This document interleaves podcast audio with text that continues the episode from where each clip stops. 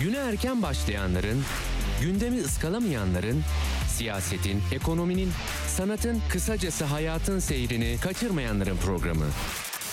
Ali Çağatay'la Seyir Hali hafta içi her sabah 7'den 9'a Radyo Sputnik'te. Ali Çağatay'la Seyir Hali başlıyor. Radyo Sputnik'te seyir halindesiniz. İstanbul 97.8, Ankara 96.2, İzmir 91.0, Bursa 101.4 ve Kocaeli 90.2 frekansından bizi dinleyebilirsiniz.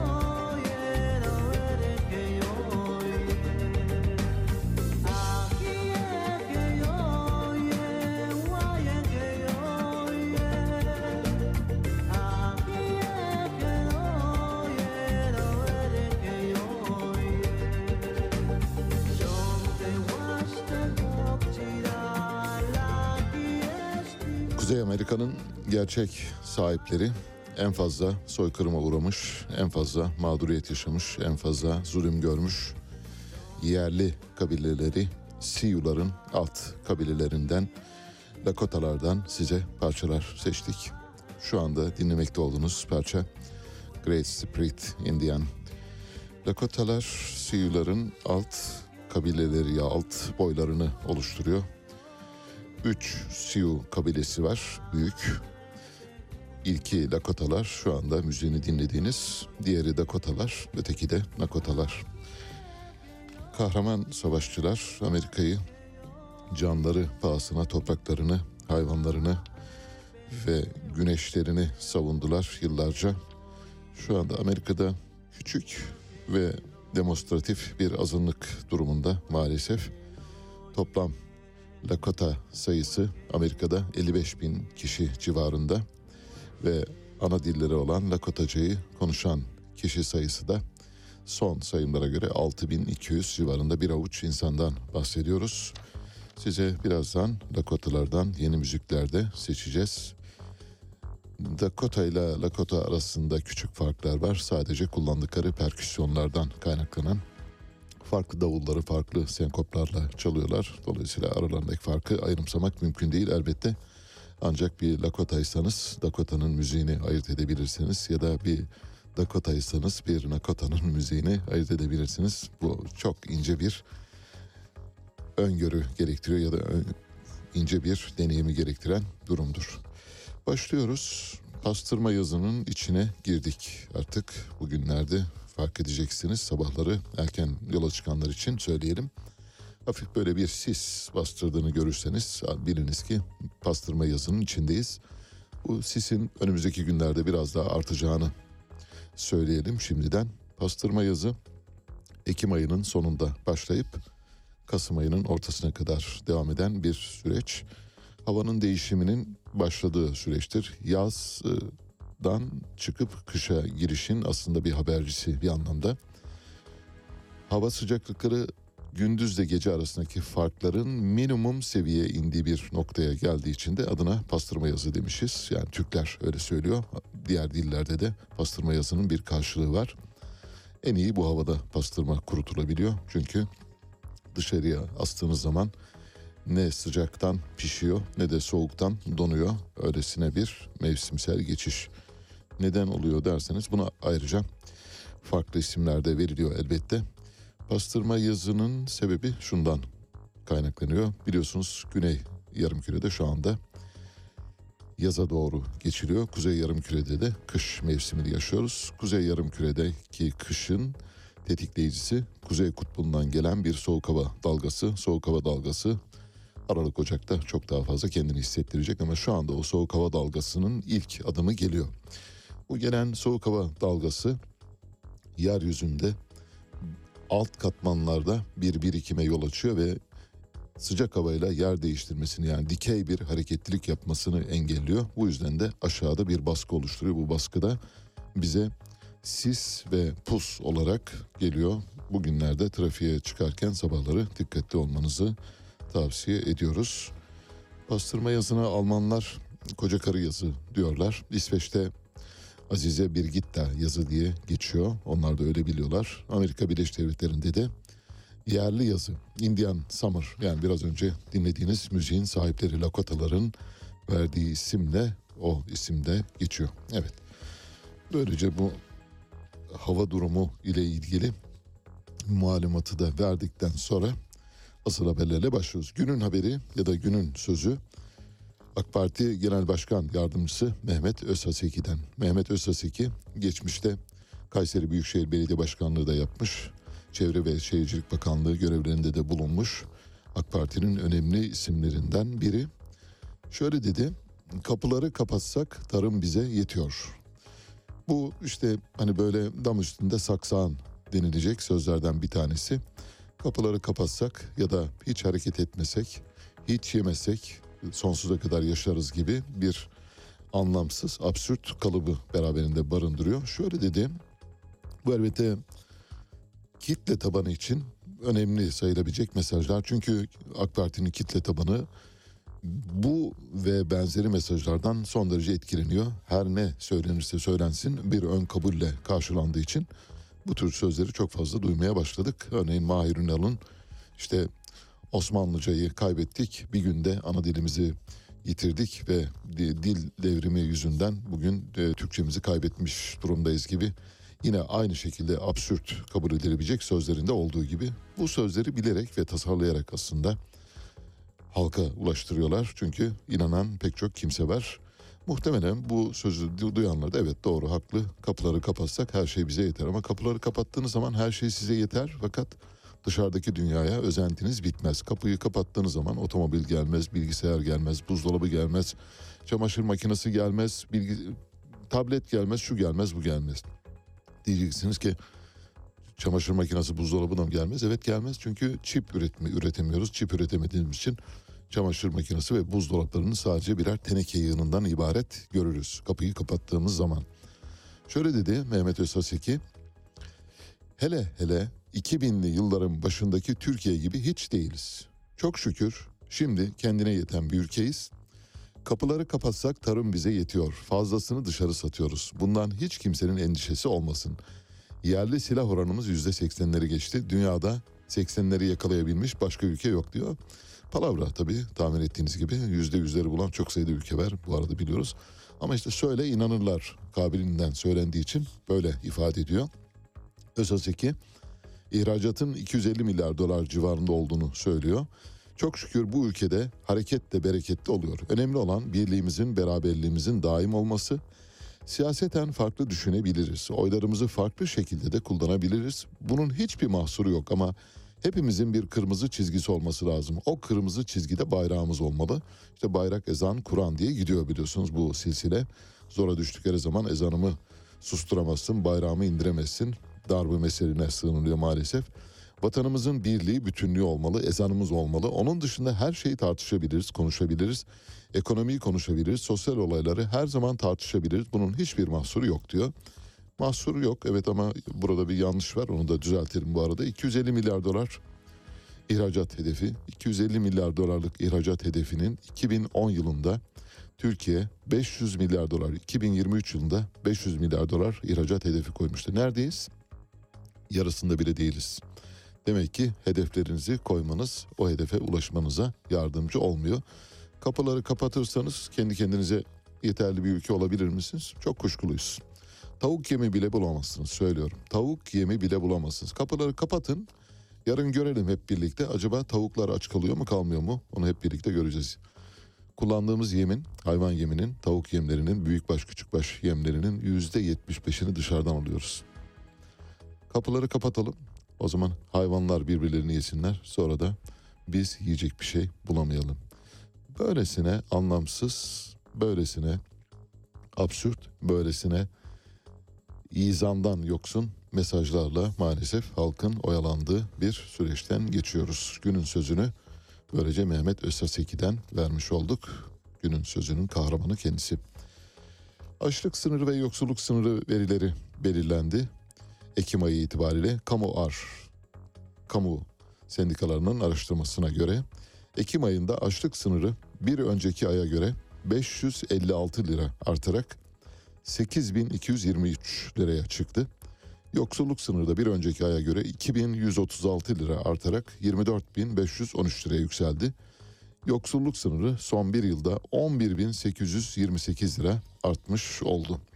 8 bin liranın altında para kazanıyorsanız yani ailenize, hanenize 8 bin liranın altında para giriyorsa açsınız 24 bin liranın üzerinde para girmiyorsa yoksulsunuz. Kendinizi bu şekilde tasnif edebilirsiniz. Kategoriyi kendiniz seçin. Kamuda çift maaş alınmasının engellenmesini öngören bir kanun teklifi vardı. Bu kanun teklifi muhalefet milletvekilleri tarafından verildi. Doğal olarak tahmin edeceğiniz gibi AK Parti ve MHP oylarıyla reddedildi. Ne zaman? Bir yıl önce hala üzerinde çalışılıyor, hala konuşuluyor bir yıl önce. Çünkü kamuda çalışanlara birden çok maaş vererek paralı askerler, kurşun askerler yaratmanız lazım. O kurşun askerler de zor zamanda size troll olarak destek veriyorlar. AK Parti'nin meclise sunduğu 23 maddelik torba yasa teklifinde limanların 49 yıllığına özelleştirilmesinin önünü açan madde Plan ve Bütçe Komisyonu'nda metinden çıkarıldı. Neden çıkarıldı? Şöyle bir plan düşünülüyordu. Hali hazırda limanları işleten yerli ya da yabancı şirketler peşkeş çektiğimiz yerli ve yabancı şirketlere yeni bir kıyak olsun diye bu imtiyaz sürelerini 49 yılına uzatmak istiyorlardı ama baktılar ki anayasaya aykırılık durumu ortaya çıkıyor. Vazgeçtiler. Şu anda tekliften çıkardılar. Onu anayasaya uygun hale getirecekler. Anayasaya uygun hale getirdikten sonra yeniden gündeme gelecektir. Merak etmeyiniz. Peşkeşte sınır yok. AK Parti başörtüsüyle ilgili anayasa değişikliği teklifini muhalefete götürmeye hazırlanıyor. Bu Kemal Kılıçdaroğlu'nun kendi başına ördüğü çorap aslında. Şu anda o çorabı çözmekte meşgul. Bakalım nasıl karşı karşıya kalacaklar. Parlamentoda dün çok utanç verici bir diyalog meydana geldi. Diyaloğun bir tarafında HDP'li Garo Paylan var. Öteki tarafında da AK Partili Cemal Öztürk var. Garo Paylan Alevilikle ilgili yasa teklifi görüşülürken parlamentoda şöyle dedi. Çok kültürlüyüz ama eşit yurttaş değiliz dedi. Şimdi bu sözün mesela karşı çıkılacak, yanlışlanacak bir yanı var mı diye sorarsanız çok olağan ve yerinde anlamlı bir yaklaşımda bulunuyor. Çok kültürlüyüz ama eşit yurttaş değiliz diyor. Çok kültürlüyüz derken Türkiye Kürtlerden, Araplardan, Acemlerden, Araplardan, Boşnaklardan, Çerkezlerden oluşmuş, Arnavutlardan oluşmuş bir karma, bir halita aslında bir alaşım. Ve bu alaşım maalesef tabi dinsel olarak da din, dini, etni gruplar olarak da bölünüyoruz ama bir türlü eşit yurttaş değiliz. Birazdan size eşit yurttaşlığın ne demek olduğunu İngiltere örneğinden anlatmaya çalışacağım. İngiltere'de biliyorsunuz yeni bir başbakan var. Rishi Sunak. Rishi Sunak bir Hindistan orijinli, kökleri Hindistan'a uzanan, Hindistan'daki önemli kaslardan birine uzanan bir kişi şu anda İngiltere'yi yönetiyor. Üzerinde güneş batmayan imparatorluğu bir Hindistanlı Hindu yönetiyor. Zaten bildiğiniz gibi Londra'nın belediye başkanı Sacit Cavit de bir Pakistanlı Hindular ve Pakilerin yönettiği bir İngiltere'den bahsediyor. İngiltere bundan en ufak bir şekilde yüksünmüyor. Çünkü İngiltere'nin hani derler ya çiğ yemedi ki karnı ağrısın. Türkiye maalesef bu gibi durumlarda hep böyle bir defans halinde olmayı seviyor. Garo Paylan'ın bu sözüne çok kültürlüyüz ama eşit yurttaş değiliz sözüne AK Partili Cemal Öztürk aynen şöyle dedi. Alevilerden sana ne? Sen Müslüman bile değilsin diyor. Mesela bugün şu anda AK Parti grubunun Cemal Öztürk'le ilgili hemen işlem başlatıp hemen disipline sevk etmesi ve mümkünse tedbirli olarak ihraç talebinde bulunması lazım. İhraç talebiyle disipline sevk etmesi lazım ama öyle bir şey yok. Göremeyiz, olmasına imkan yok. Bu sadece teklif olarak düşünebileceğimiz bir şey. Bugün itibariyle Cemal Öztürk'ün parlamentodan çıkarılması lazım. Parlamento üyeliğinin düşürülmesi lazım. Alevilerden sana ne? Sen Müslüman bile değilsin diyor. Ya gördünüz mü? Şimdi dönüyoruz. Osmanlı'nın bakiyesi, büyük uygarlığın mirasçısı, bizler falan diye böyle övünüyoruz. Osmanlı'nın ahvadı falan diye övünüyoruz. Osmanlı ile Osmanlı yönetirken Atatürk dil devrimini bir Musevi ile bir Ermeniye yaptırdı. Yani Türkçeyi en iyi bilen insanlar onların arasından çıktı. Osmanlı'nın tüm dönemlerinde saray mensuplarının pek çoğu vezirler, başvezirler, kethudalar, bostancılar, bostancı başları hemen hemen yüzde seksen, yüzde doksan oran, oranla yabancılardan yani ekalliyetlerden seçiliyordu. Ama siz geliyorsunuz Garopaylan'a 21. yüzyılın birinci çeyreğinde Alevilerden sana ne sen Müslüman bile değilsin diyebiliyorsunuz. Utanç verici tek kelimeyle söylüyorum. Cumhuriyet Halk Partisi odun ve kömürden KDV'nin yüzde bire düşürülmesini talep etti. Cumhuriyet Halk Partisi boşa kürek çekiyor. İşte biraz önceki türban meselesinde de ya da başörtüsü meselesinde Kemal Kılıçdaroğlu nasıl ki kendi başına çorap ördü dediysek burada da aynı şeyi yapmaya çalışıyor. AK Parti'nin odun ve kömürle ilgili bir meselesi yok bir defa. Odun ve kömürü ekmek elden, su gölden yaşayan bir kesime bedava dağıtıyor. Hiç öyle bir sorunu yok. Dolayısıyla odun ve kömürü alanlar düşünsünler. Odun ve kömürü evine kapısının önüne kadar getiren bir mekanizma var. O mekanizmadan dolayı onları ilgilendirmiyor. Odun ve kömürü yakan ve bu yardıma ulaşamamış kesimler var. Onlar da çok az bir kesimi kapsıyor. Dolayısıyla odun ve kömürde KDV yüzde bire insin demek hiçbir şeye hizmet etmeyen bir yasa teklifi ol, olarak görülebilir. Öyle düşünüyorum ben. Bir grafik var. Arkadaşlarımız verecekler bunu. Kur korumalı mevduatla ilgili bir grafik. Kur korumalı mevduat bildiğiniz gibi Mart 2022'de hayatımıza girdi. Ocak'ta girdi ama Mart 2022'de ilk hesap kesimiydi. Ve bugüne kadar aradan geçen zaman içinde 18 Ekim itibariyle kur korumalı mevduatta cari kurla kur korumalı mevduat arasındaki makas giderek kapanıyor. Şimdi grafiği incelerseniz göreceksiniz. Kur korumalı mevduatla cari kur arasındaki farkın yani vatandaşın cebine giren paranın büyüklüğü giderek azalıyor. Mesela ne zaman artmış? Mayıs 2022'de aradaki makas açılıyor. Göreceksiniz aradaki turuncu bölgeyi görüyorsunuz. Ve ne zamana kadar geliyor? Eylül 2022'de bu makas kapanıyor. Şu anda makasın en zayıf, en yakın olduğu noktadayız. Artık kur korumalı mevduata para yatıranlar kurdaki artışın yavaş olması dolayısıyla istedikleri kadar para kazanamıyorlar. Ne demek istiyorum? Kur korumalı mevduatın iki tane getirisi var. Birincisi kurun doğal artışına bağlı olarak paranız bulunduğu yerde bankada paranız para kazanmaya devam ediyor. Bu bir. İki, kur korumalı mevduatın enflasyon karşısında paranızın değer kaybına uğramaması için bir de enflasyon farkı veriliyor.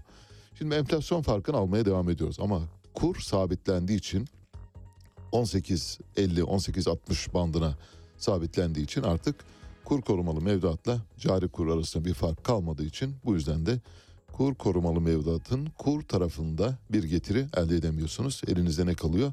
Enflasyon getirisi.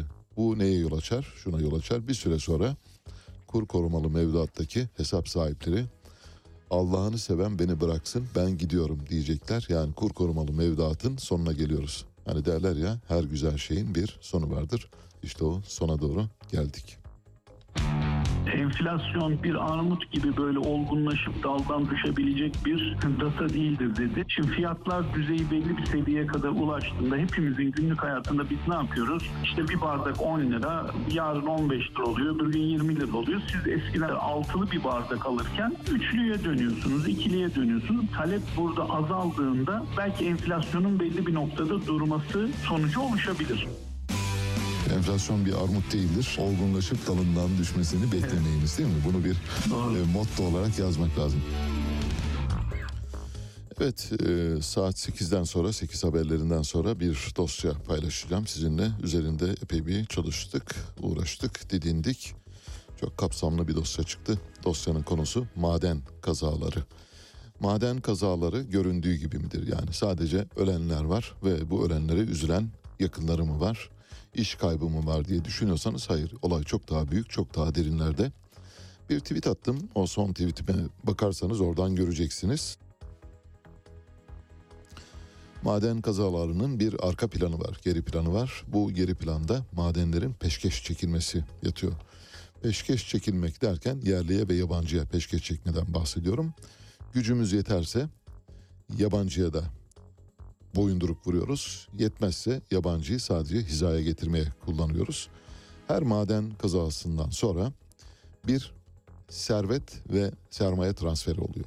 Yani el değiştiriyor. Ruhsatlar ve maden ocakları birilerinin elinden çıkıp ötekilerin eline geçiyor. Bunu kanıtlayacağım birazdan. Müthiş örnekler var söyleyeyim.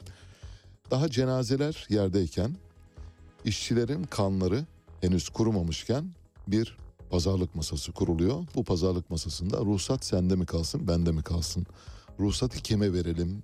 Münakaşası yapılıyor. İşte maden kazaları ruhsat devirleri, ruhsat iptalleri ve servet transferleri için bir kaldıraç olarak kullanılıyor Türkiye'de. Ne zamandan beri? Son 20 yıldır bu süreç böyle 20 yılda olup biten örnekleri tek tek sizinle paylaşacağım. Zaten yayınımızın sonunda da Disk Dev Madensen Genel Başkanı Tayfun Görgün'le de Amasra maden kazasını bu yönüyle de konuşacağız. Her yönüyle olduğu gibi bu yönüyle de konuşacağız. Maden kazalarında şöyle oluyor. Üç maden grubundan bahsediyor. Bir tanesi altın. Altında ruhsat iptaline gidiyor. Yani bir maden kazası olmuşsa örneğin işte siyanür havuzunuz taşmışsa bir şey olmuşsa sulara karışmışsa hemen geliyor. Ee, Enerji ve Tabii Kaynaklar Bakanlığı müfettişleri diyor ki sizin ruhsatınızı iptal edeceğiz. Peki ne yapacaksınız? Vallahi ruhsatınızı bir yerli firmaya verirseniz sizi bu işten sıyırırız. Yani cezaevine girmezsiniz diyorlar. Aynen böyle pazarlıklar böyle yürüyor.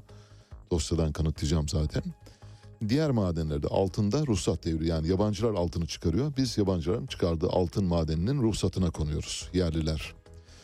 Diğer madenlerde mesela bakırda, kromda, kurşunda, alüminyumda, fosfatta bunlarda da yerliden yerliye peşkeş yapılıyor.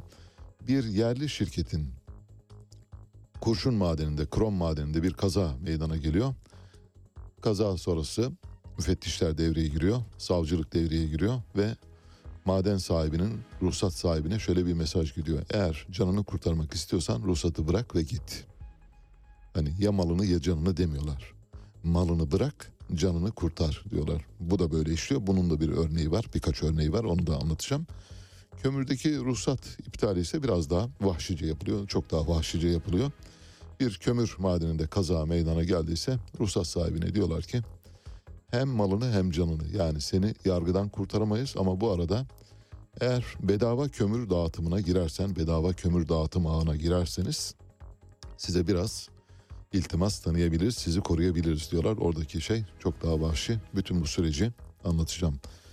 Maden kazaları sadece maden kazası değil ruhsatların el değiştirdiği yeni zenginlerin yaratıldığı ve mevcut maden zenginlerinin daha zengin hale geldiği bir sürece doğru dönüşmüş durumda. Son derece planlı yapılıyor bu arada. Tesadüfi olmadığını düşünüyorum şahsen. BDDK dolar stokçularının kredi almasını zorlaştırdı. Türk lirası cinsi kredi almak isteyen şirketler 1 Kasım tarihine kadar hesaplarındaki döviz miktarını üçte bir oranında azaltmak zorunda. Bu zorunluluk nedeniyle bu hafta piyasalarda Türk lirası lehine bir hareketlilik yaşanması bekleniyor. Yani Türk lirası değer kazanacak. Türk lirası değer kazanınca da kur korumalı mevduattaki kişiler ne diyecek? Allah'ını seven beni bıraksın ben gidiyorum kalamam burada diyecekler. Kendi ayaklarına sıkıyorlar bildikleri dalı kesiyorlar diye uyarıda bulunmuş olalım şimdiden. Pasaportlarla ilgili bir haber vermiştik hatırlarsanız. Geçen hafta programımız yoktu. Bendeniz izinliydim. Bir önceki hafta Cuma günü son anonsu şöyle yaptığımı hatırlıyorum. Biliyorsunuz iPhone ticareti başlamıştı. iPhone üzerinden yürüyen bir turizm hareketi başlamıştı. Bu turizm hareketinin ne olduğunu anlatmıştık.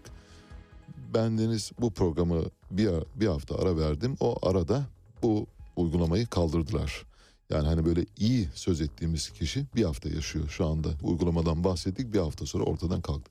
Tabii bu işin e, latifesi elbette ben söyledim diye biz söyledik diye olmadı ama oradaki açığı gördüler. Açık gedik şuydu. Hikaye şu. Bir tane iPhone almak istiyorsunuz. Son çıkan iPhone 14 Pro Max alıyorsunuz.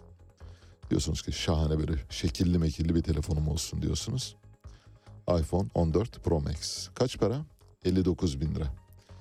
iPhone 14 Pro Max almak için yurt dışına gidiyorsunuz. Bir Orta Avrupa ülkesini ziyaret ediyorsunuz. Almanya'ya falan gitmeyin dedik zaten o zaman. İngiltere'ye gitmeyin, Fransa'ya gitmeyin. Oralar pahalı. Hayat şartları pahalı, uçak pahalı, otel pahalı. O yüzden Çek Cumhuriyeti, Macaristan, Polonya, Slovakya, Slovenya gibi bir ülkeye gidiyorsunuz buradan. Turları var bunun, turlar yapılıyor buna ilişkin. Yani iPhone Pro Max 14 turları yapılıyor. 59 bin lirayı bastırıyorsunuz. Gidip oradan e, turizm ajantasına diyorsunuz ki benim uçak biletimi gidiş dönüş ayarla. Ayarladık abi. Peki iki günde otel onu da ayarladık abi. Yiyorsunuz içiyorsunuz uçak biletiniz. Gidip oradan iPhone 14 Pro Max'i alıp geliyorsunuz. Ve dönüp geldiğinizde yediğiniz içtiğiniz uçak biletiniz yanınıza kalıyor. Ve bir tane de ekstradan cep telefonunuz oluyor. Çünkü cep telefonunu Türkiye'de almak son derece pahalı. Kurdan dolayı çok pahalı. İşte bu bir turizme ve turizm seferberliğine dönünce bunun farkına vardı. Güzel hazinemiz. Onun üzerine ne yaptılar? pasaportta kayıt hakkı bulunmadığı halde yurt dışından telefon getiren yolcuların telefonlarına gümrükte el konulacak. Bir de zaten pasaport kayıtları da belli. Bir defaya mahsus olmak üzere sanıyorum iki yılda bir defaya mahsus olmak üzere alabiliyorsunuz. Şimdi bunun hülle yolunu açıyorlar. Bunu da açıklayalım. Yarın öbür gün bu yolu da kapatsınlar. Hülle yolu şu. Şimdi diyelim ki kendi adınıza telefon alamıyorsunuz ama bir iPhone ticareti yapmaya da karar verdiniz. Ne yapıyorsunuz? Köydeki kayınçonun adını alıyorsunuz.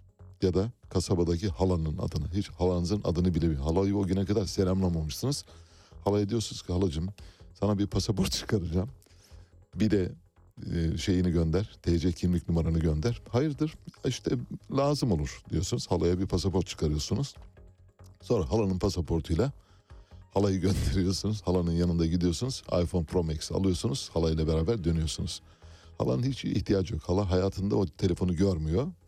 Ya da İstanbul görmemiş amcaoğlunuz var. Onun üzerine yapıyorsunuz. Şimdi iş buraya doğru gidiyor. Bir evde kaç kişi var? 10 kişi var. 10 kişinin adına da alabilirsiniz. Nasıl? Şahane. Demokrasilerde çare tükenmez. Göreceksiniz bu ticaret böyle yayılacak ve devam edecek. Eğer siz kuru burada tutarsanız, kur burada olduğu müddetçe Türkiye bir oto, bilgi işlem ya da teknoloji pazarları bakımından pahalı bir ülke olmaya devam ettiği takdirde bu ticaretin önünü kesemezsiniz. Yedi düvelden akraba bulurlar, pasaport çıkartırlar, giderler o iPhone Pro Max'leri alırlar. Buradan ilan ediyorum. Tabii bizim hazinemiz ve maliyemiz bu arada biraz böyle bu işleri acemice yapıyor. Geçmişten bir örnek vereceğim. Bundan 4 yıl kadar önce Berat Albayrak'ın Hazine ve Maliye Bakanı olduğu dönemde şöyle bir resmi gazete kararı çıktı. Bildiğiniz gibi ithalat almış başını gitmiş. İthalat patlamış. Şimdi ithalatın patlamasına karşı bir önlem alınmaya çalışıyor. Ne yapalım? Önüne bir liste getiriyorlar Sayın Bakanı. Tabii elbette bunu Berat Albayrak bizzati kendisi yapmıyor. Bürokratlarla birlikte yapıyor. Yani kusur onun değil. Kusur e, herkese şamil edilebilecek bir kusurdan bahsediyorum.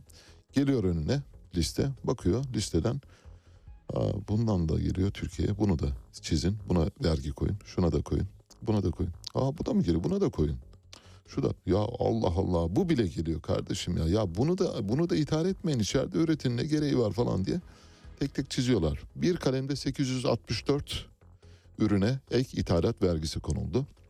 Ek ithalat vergisi koyunca pahalı hale geliyor ithal etmek. Dolayısıyla içeride üretmek ya da başka bir yolla temin etme yoluna gidiyorsunuz. Ancak şunu unuttu. Mesela birkaç kalem mal vardı. Bu kalem malların Türkiye'de üretilmesine imkan ve ihtimal yoktu. Tekstil yan sanayinde düğme yapımında kullanılan kokonat ya da Hindistan cevizi kabuğu diye bir kabuk var biliyorsun. Hindistan cevizinin dış kabuğu düğme yapımında kullanılıyor ve çok afilli düğmeler. Böyle Armani'nin ceketlerinde falan kullanılıyor. Çok afili böyle hani kıyamıyorsunuz bakasınız öylesine tıraşlanıyor. Kokonattan elde edilen düğmeleri yapıldığı ham maddenin girişine yasak koydular. Yasak yani ithalat vergisini geçtim ve getirmeyin. Başka neye yasak koydular? Bir de Tibet öküzü boynuzuna yasak koydular. Ondan da düğme yapılıyor. Bunun üzerine tekstil yan sanayicileri ayağa kalktılar. Dediler ki Sayın Bakan bu Tibet öküzü yok. E, kokonat da yok. İşte bu ve benzeri tropik bölgelerde elde edilen ürünler yok.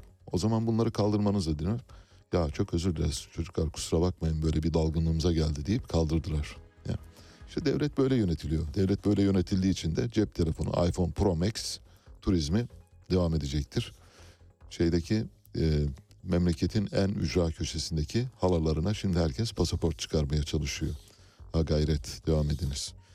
Cumhurbaşkanı Erdoğan bu cuma günü açıklayacağı AK Parti'nin Türkiye Yüzyılı programı adında bir program açıklayacak. Bu programa muhalif olarak bilinen gazetecileri de davet etti. Örneğin Nevşin Mengü, İsmail Saymaz, Doğan Şentürk, Özlem Gürses, Çağlar Cilara, İsmail Küçükkaya, Fatih Portakal, Taha Akyol, Deniz Zeyrek, Akif Beki, çok sayıda isim var. Bu sadece şu anda bize ulaşabilen e, ya da şu ana kadar açıklanan e, bilgiler.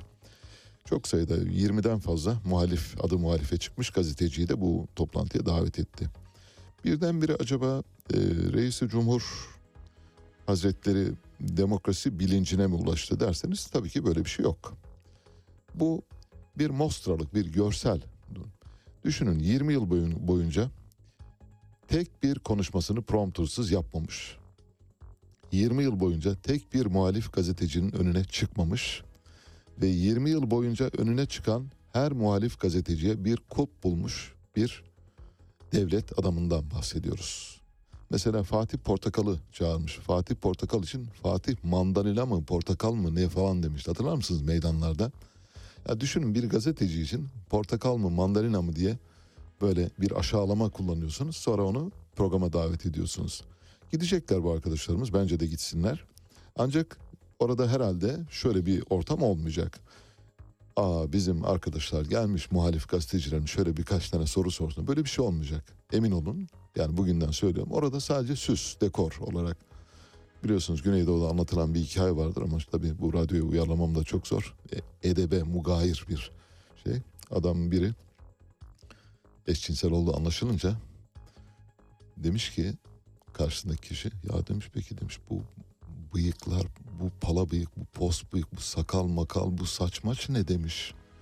Yani demiş neden böyle geziyorsun? Madem eşcinselsin neden böyle geziyorsun? Lütfen e, eşcinseller alınmasınlar. Bu fıkra bu tabii.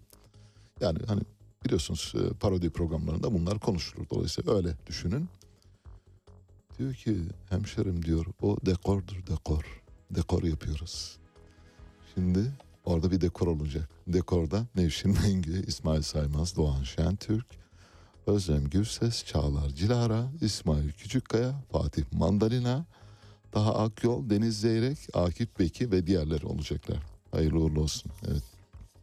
Hürriyet Gazetesi Genel Yayın Yönetmeni pornocu Ahmet Hakan şöyle dedi dün yazısında Kemal Kılıçdaroğlu'nu ilzam ederek öyle bağladı ki kendisini aday olmamak gibi bir seçeneği kalmadı. Angaja oldu resmen. Öyle böyle değil. Büyük angaja oldu. Bu saatten sonra aday olmamak siyaseten bitmek demek. Aday olamazsa biter Kılıçdaroğlu diyor. Şimdi Kılıçdaroğlu'nun bitip bitmeyeceğini, Ahmet Hakan'ın karar vermeyeceğini biliyoruz. Ancak Ahmet Hakan böylesi yazılar yazarak hem nalına hem mıhına bir tarzı tutturuyor. Ne demişti Cumhurbaşkanı?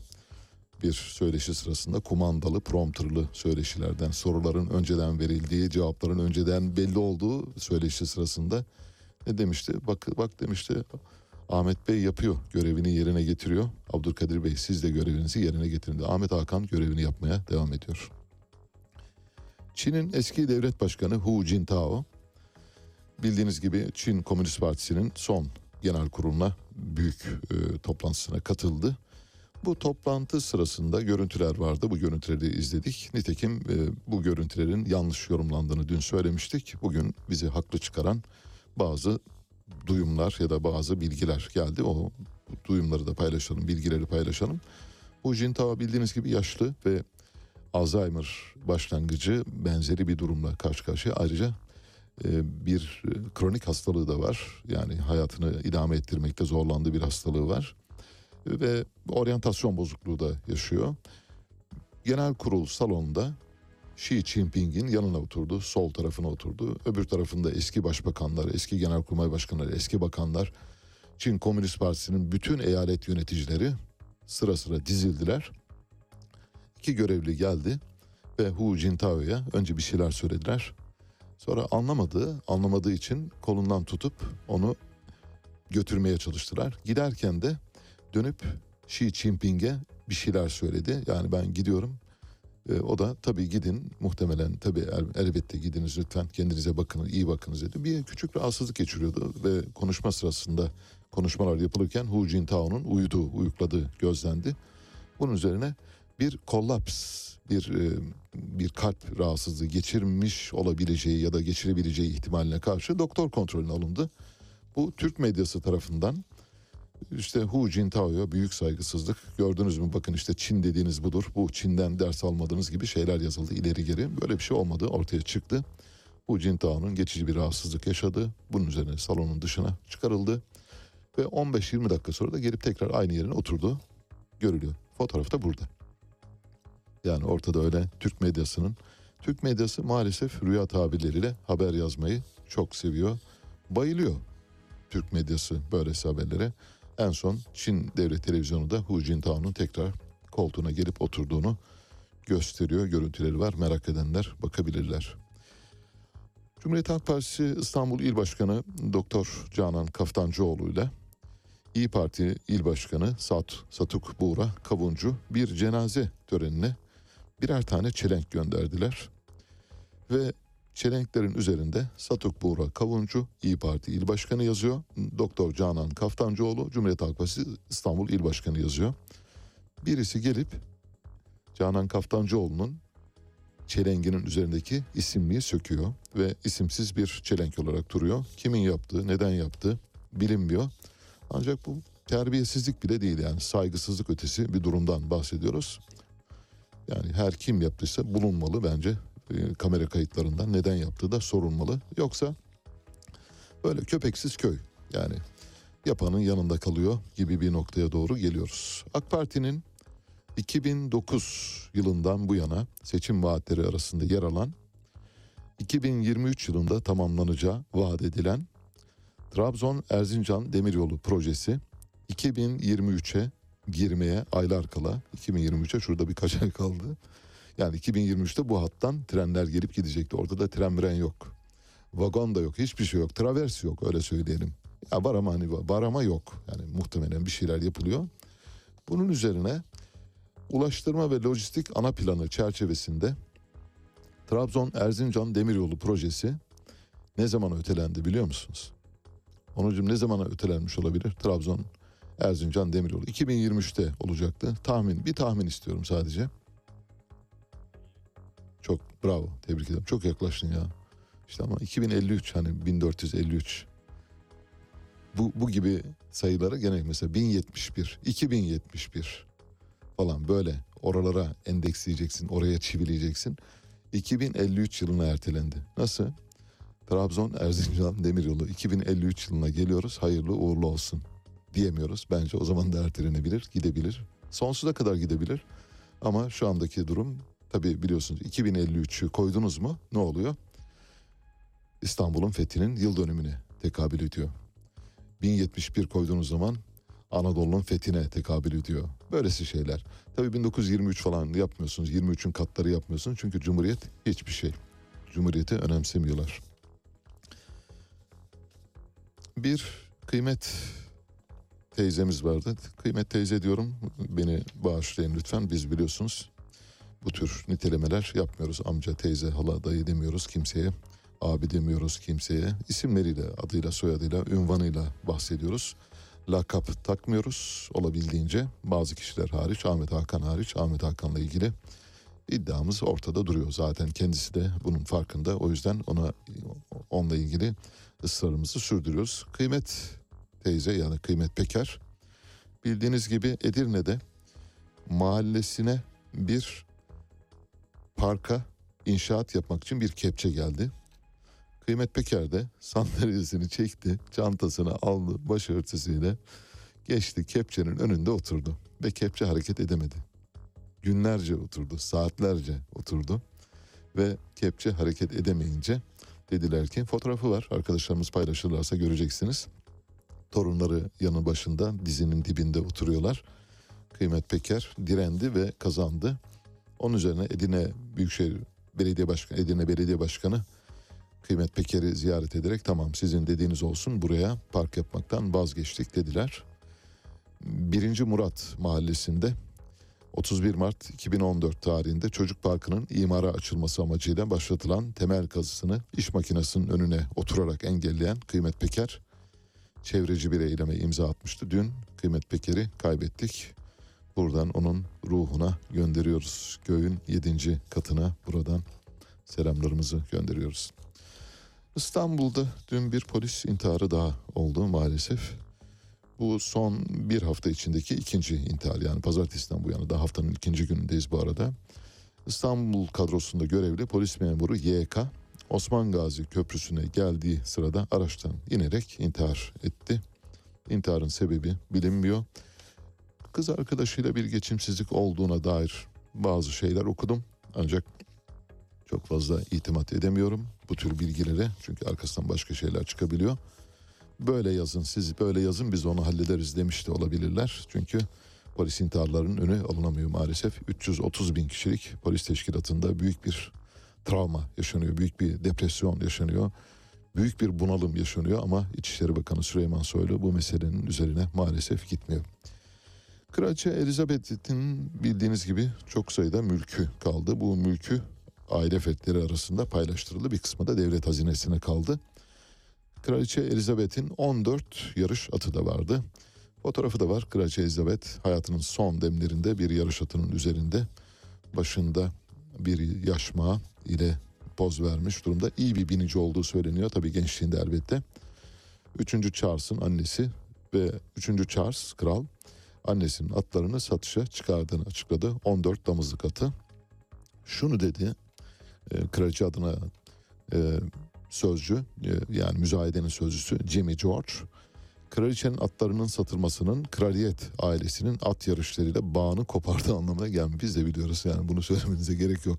14 tane atı satınca kraliyet ailesi at yarışlarından mı kopuyor? At yarışları ve golf, tenis onların hayatı. Yani ölürler yani onlardan vazgeçmezler. Bunu, yani böylesi bir fuzuli açıklamayı yaptığınız için sizi kınıyorum Jimmy George. Sahipler her yıl satış yapar. Majesteleri de her at sahibinin yaptığını yapıyor. Satışa çıkarılan atlardan Just Fine yüzden fazla yarış kazanmış bu arada. Kraliçe 2. Elizabeth at yarışı meraklısı olmasının yanı sıra hem biniciydi hem de yarış atı yetiştiriyordu. 14 at satılık. Bu 14 attan birini Türklerin aldığına şahit olacağız. Buraya yazıyorum. Yazdım. Takibini yapacağız. Bir tanesi Türk olacak. Kesin. Yüzde 1500 söylüyorum. Mutlaka böyle çok bol para kazanan üstüne başına sıvayan insanlar var ya onlardan bir tanesi gidip o atlardan bir tane en ölüsünü bu arada bilemezler. Hangi atın iyi olduğunu da bilemezler. Giderler böyle en merkep gibi olana en katır gibi koşana gider müşteri olurlar alırlar. Alacaklar göreceksiniz. Pep Guardiola Manchester City'nin teknik direktörü Pep Guardiola. Pep Guardiola şu anda hayatının en güzel günlerini yaşıyor. Neden dolayı? İyi bir teknik direktör olduğu için hayır. Çok iyi bir futbolcuya sahip. Erling Haaland'ın sahibi. Erling Haaland Norveçli futbolcu şu anda dünyanın en iyi futbolcusu bence. Yani Messi'yi falan e, bir süre sonra solda bırakabilecek bir futbolcu geliyor. Çünkü çok gol makinesi gibi çalışıyor bir defa. Pep Guardiola Norveçli futbolcu Erling Haaland'ı anlat dediler bir röportaj sırasında. Dedi ki bildiğiniz gibi ben Katalanım. Bu yüzden İngilizcem iyi değil. Ve benim İngilizcem Erling Haaland'ı tarif edecek kadar iyi değil diyor. Vallahi böyle Shakespeare gibi konuşmuş. Hani Shakespeare'in sonelerinde geçen dizelerden bir tanesi öyle. Ben bir Katalanım. İngilizcem zayıf. Erling Haaland'ı tarif edecek kadar iyi İngilizceye sahip değilim diyor. Ya onu anlatmak için Shakespeare İngilizcesi lazım demek istiyor. Erling Haaland bu arada 14 maçta 20 gol attı, 3'te asist yaptı. Bir gol makinesi, müthiş bir oyuncu. Olağanüstü, başarılı ve ileride çok daha zaten çok genç, ileride çok daha büyük işler yapacak. Bu arada Ronaldo bildiğiniz gibi Premier Lig'de Manchester United'da e, Tottenham maçında kadro dışı kaldı. Yedekler arasındaydı ve son ana kadar hatta teknik direktör birkaç kez kendisini çağırıp ısınmasını istedi. Isınırken işte oyuna gireceğini bekliyordu fakat maçın sonuna gelindiğinde sonuna yani 5-10 dakika kala hala oyuna girmeyince alınmayınca soyunma odasının yolunu tuttu. Şimdi Manchester United'da neler oluyor diye merak ediyorsanız bunu paylaşacağım. Manchester United'da Ronaldo'nun takım arkadaşı Fernandes diyor ki biz bunu kendi aramızda çözeceğiz. Bir mesele var. Konuşmak istemiyorum. Bunu asla konuşmuyoruz. İçimizde tutuyoruz yani kendi aramızda bir sır olarak tutuyoruz. İçeride halletmemiz gerekiyor. Kimsenin ne istediğimizi veya ne düşündüğümüzü bilmesi gerekmiyor. Cristiano da dahil. Herkes için önemli şey takımın kazanması. Bunun dışındaki şeyler önemli değil diyor. Cristiano Ronaldo kadro dışı bırakılması sonrası dün e, bireysel olarak e, Manchester United tesislerine gitti. Tek başına çalıştı. Hani derler ya takımdan ayrı koşu yapıyor. Öyle çalıştı. Sonra da tek başına tesisleri terk etti. Ve Tottenham maçının 40. dakikasında ısınmak için teknik direktör kendisini gönderdi. Sonra 90. dakikaya doğru giderken baktı ki almıyorlar. Hadi bana eyvallah dedi. Arkasını dönerek gitti. Bir sorun var ama ne olduğunu bilmiyoruz. Elbette bir süre sonra öğreneceğiz. Evet ikinci bölümde çok heyecanlı şeyler var.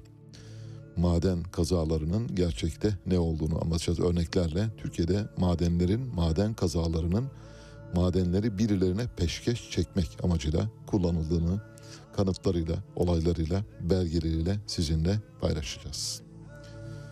Size Lakotalardan parçalar seçmiştik. Lakotalar, Siyuların üç büyük kolundan bir tanesi. Lakotalar, Dakotalar ve Nakotalar. Lakotalardan şimdi Trikodi çalıyor. Trikodi adındaki ağaç lakabı boylu postu olmasından dolayı verilmiş kendisine 1.80 boyunda. Trikodi söylüyor The Hunter's Pair. Birazdan Mehtap Yeni Doğan saat 5 haberlerle karşınızda olacak.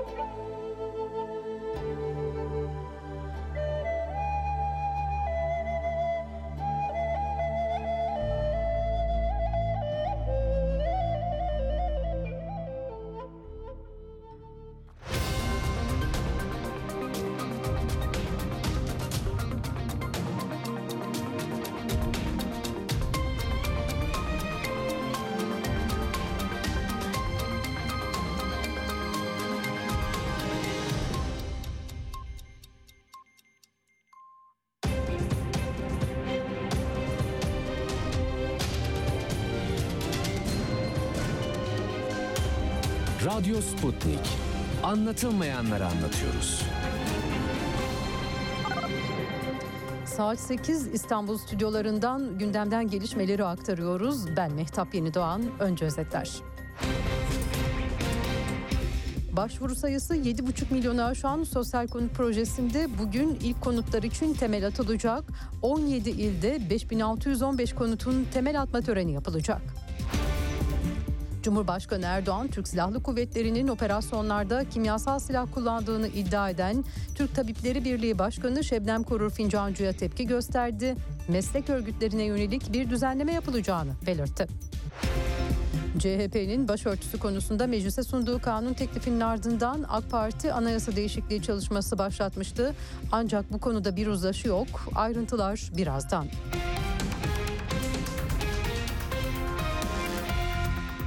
Sosyal konut projesinde ilk konutların temelleri bugün atılacak. Aralarında Ankara, Konya ve Bolu'nun da bulunduğu 17 ilde 5615 konutun temeli Cumhurbaşkanı Recep Tayyip Erdoğan'ın katılacağı törenle atılacak. Topluk Konut İdaresi Başkanlığı kısa adıyla TOKİ tarafından inşa edilecek konutların 2 yılda tamamlanıp hak sahiplerine teslim edilmesi planlanıyor. Konutlar yatay mimari esas alınarak inşa edilecek. Binalar en fazla 4 veya 5 katlı olacak. Konutların etrafında park ve spor alanları bulunacak. 2 artı 1 konutlar 608 bin lira, 3 artı 1 konutlar 850 bin liradan başlayan fiyatlarla satılacak. Hak sahipleri bu miktarı 240 ay vadeyle ödeyebilecek. 31 Ekim'e kadar sosyal konut projesi için başvuru yapılabilecek. Türk Silahlı Kuvvetleri'nin terörle mücadelede kimyasal silah kullandığı iddiası siyasetin gündeminde. Kabine toplantısı sonrası Cumhurbaşkanı Recep Tayyip Erdoğan, Türk Tabipleri Birliği Başkanı Şebnem Korur Fincancı'yı sert sözlerle eleştirdi.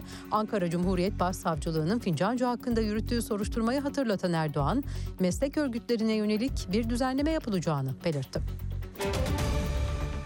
Türk Silahlı Kuvvetlerimizin yürüttüğü sınır ötesi harekatlara iftira atan Tabipler Birliği Başkanı ile ilgili yargı harekete geçmiştir. Gerekirse yasal düzenleme ile bu ismin de değiştirilmesini sağlayacağız. Böyle bir şahsın adı Türk'le başlayan bir kurumun başında olmasının milletimizin her bir ferdini rahatsız ettiğine inanıyorum. Altılı Masa'nın Cumhurbaşkanı adayı kim olacak? Bu soru yanıt ararken CHP Genel Başkanı Kemal Kılıçdaroğlu'ndan Cumhurbaşkanı adaylığı olarak yorumlanan bir açıklama geldi. Sivas'ta Kanal 58'e konuşan Kılıçdaroğlu adaylık sorusuna bir de Kılıçdaroğlu'nu deneyelim yanıtını verdi. Bu açıklamayı değerlendiren Cumhurbaşkanı Recep Tayyip Erdoğan, Bay Kemal'in adaylığı hayırlı olsun dedi. Erdoğan'ın açıklamalarına CHP sözcüsü Faik Öztrak'tan yanıt geldi. Öztrak aday konusunda bir kez daha altılı masayı işaret etti. Biraz daha sabredecek. Kendisi de milletimizle birlikte aynı anda 6 genel başkanın ağzından 13. Cumhurbaşkanının ismini duyacak. Altılı Masa'daki liderlerden Saadet Partisi Genel Başkanı Temel Karamollaoğlu da adaylık için aklınızda bir isim var mı sorusuna yanıt verdi. Vardır demek o kadar kolay değil. Biraz daha zamana ihtiyacımız var diye düşünüyorum ben. Zaman geçtikçe kanaatler de değişebilir. Bunu biraz kamuoyu yoklamaları gösterecek, ortaya koyacak. Biz de kanaatlerimizi o istikamette belirleyeceğiz. Siyasette başörtüsü tartışması sürüyor. Cumhurbaşkanı Recep Tayyip Erdoğan'ın referandum çağrısına CHP kapıyı kapattı. İktidar anayasa değişikliği teklifine, CHP ise meclise sundukları kanun teklifine destek istiyor. Konuyla ilgili Adalet Bakanı Bekir Bozdağ ve CHP sözcüsü Faik Öztrak'tan açıklama geldi. Millete sorarız referanduma gitmesini muhalefetin ben arzu edeceğini düşünmüyorum. Ya ne referandumu? Biz bir kanun teklifi vermişiz açık. Referandumla milletimizi yormasınlar. Kadınların giyim kuşamı üzerinden ellerini çekmeye razılarsa, başka hesaplar peşinde koşmuyorlarsa kanun teklifimizi desteklesinler.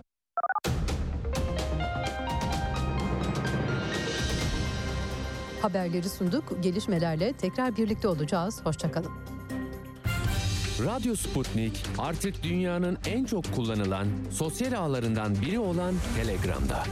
Hala kullanmıyorsanız önce Telegram uygulamasını mobil cihazınıza yükleyin. Ardından Radyo Sputnik'in Telegram kanalına katılın. Canlı yayınlarımızı ve programlarımızı kaçırmayın. Anlatılmayanları anlatıyoruz. Son dakika haberleri, canlı yayınlar, multimedya ve daha fazlası Sputnik Haber Ajansı'nın web sitesinde. Dünyanın küçük bir parçasını değil, tamamını anlamak istiyorsanız sputniknews.com.tr'yi tıklayın, habersiz kalmayın. Radyo Sputnik 5 merkezden karasal yayında. İstanbul 97.8, Ankara 96.2, İzmir 91, Bursa 101.4, Kocaeli 90.2.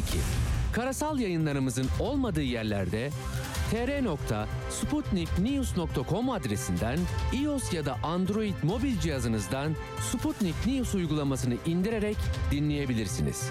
Radyo Sputnik. Anlatılmayanları anlatıyoruz. Artık siz de haberin öznesisiniz. Tanık olduklarınızı, yaşadığınız sorunları bildirin, sesinizi kaydedin, gönderin. Telegram, Twitter, Facebook, Instagram ve şimdi de WhatsApp'tayız.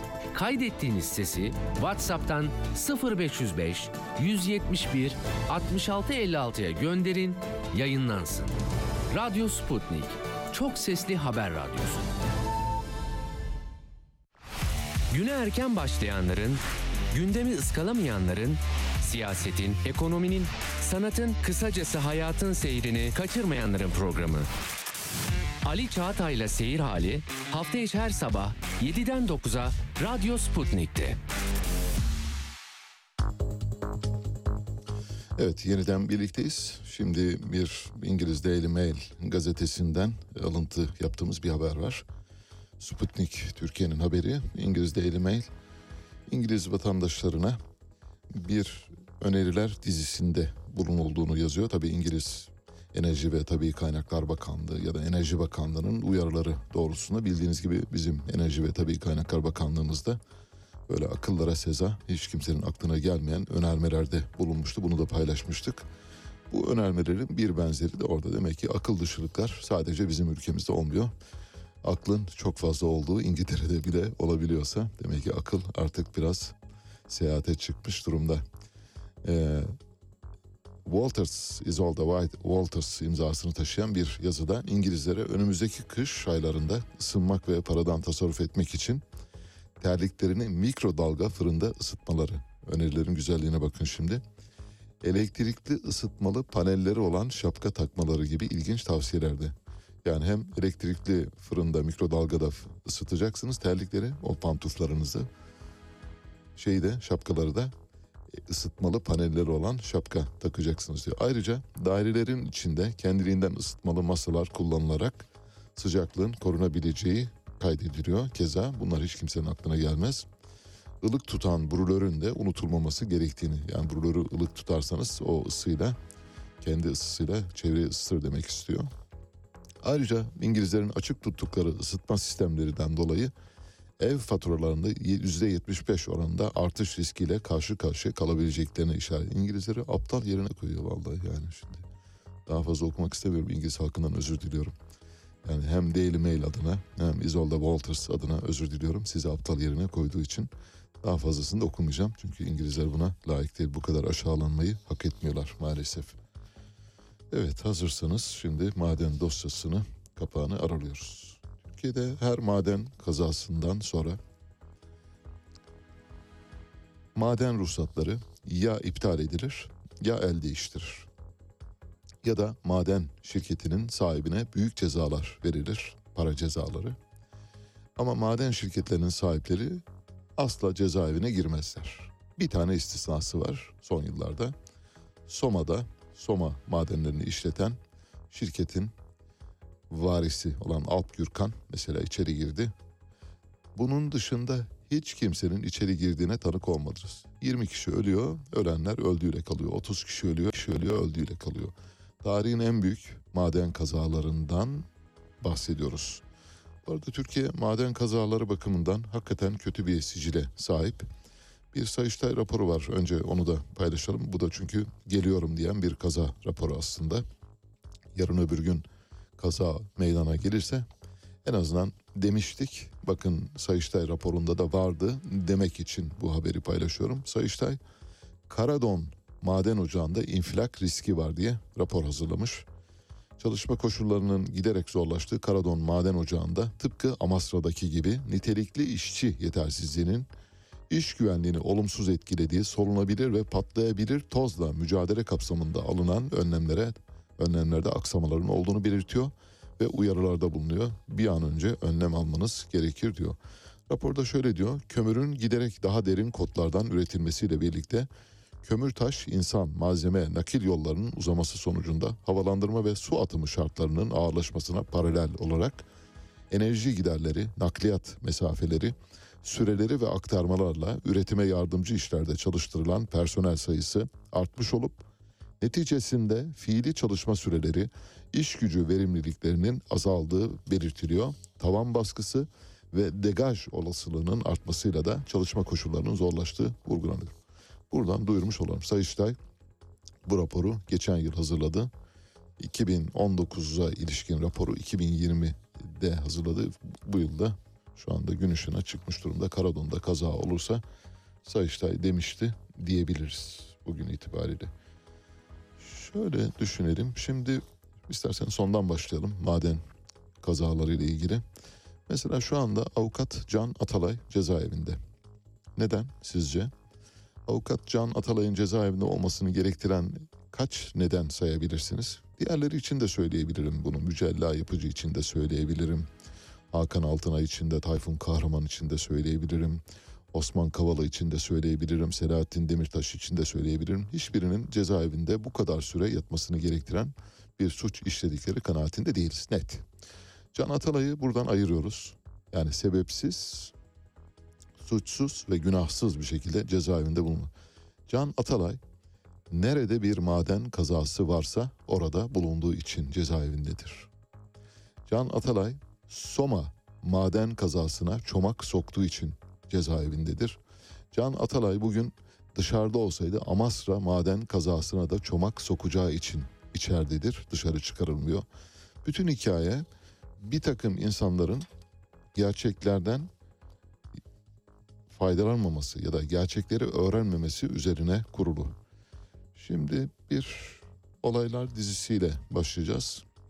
2017 yılında bir gazete, havuz medyasından bir gazete şöyle bir haber paylaştı. Yorumsuz okuyorum sonra yorumumu belirteceğim. Siirt'in Şirvan ilçesine bağlı Madenköy'de 2006 yılından bu yana devam eden bakır madenciliği faaliyeti can yakıyor. Haberin güzelliğine bakın. Haber haber kokuyor böyle. Haberden kan kokusu geliyor. Geçtiğimiz hafta Madenköy madencilerin işten çıkarıldıkları için yaptıkları oturma eylemi ve halkın içme suyu da dahil olmak üzere her türlü ihtiyacını karşıladığı tek su varlığı olan deredeki madencilik kaynakları kirlenmeyle gündeme geldi.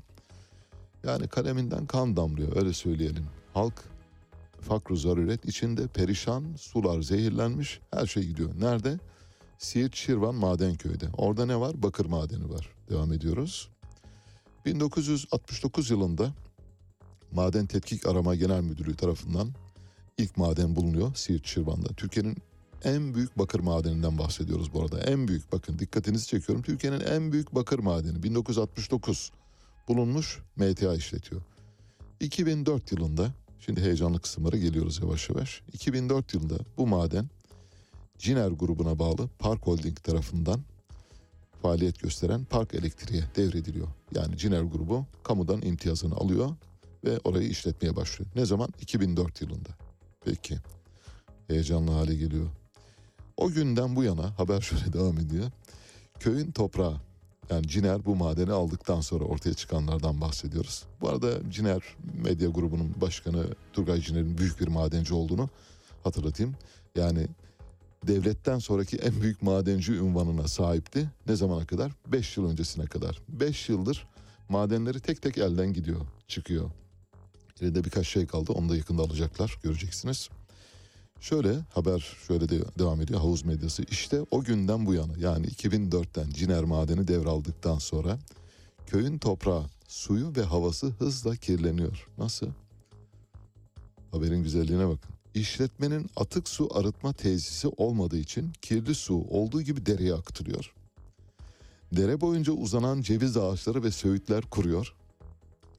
Sudan içen koyun ve keçiler telef oluyor. Vah vah. İnsanlar hastalanıyor, işçiler maden ocağının göçü altında kalıp ölüyor. Demek ki neymiş? Orada büyük bir felaket varmış. Nerede? Türkiye'nin en büyük bakır madeninin olduğu yerde. Kim işletiyor? Turgay Ciner işletiyor. Ondan önce 1969 yılından beri kim işletiyordu? Maden Tetkik Arama.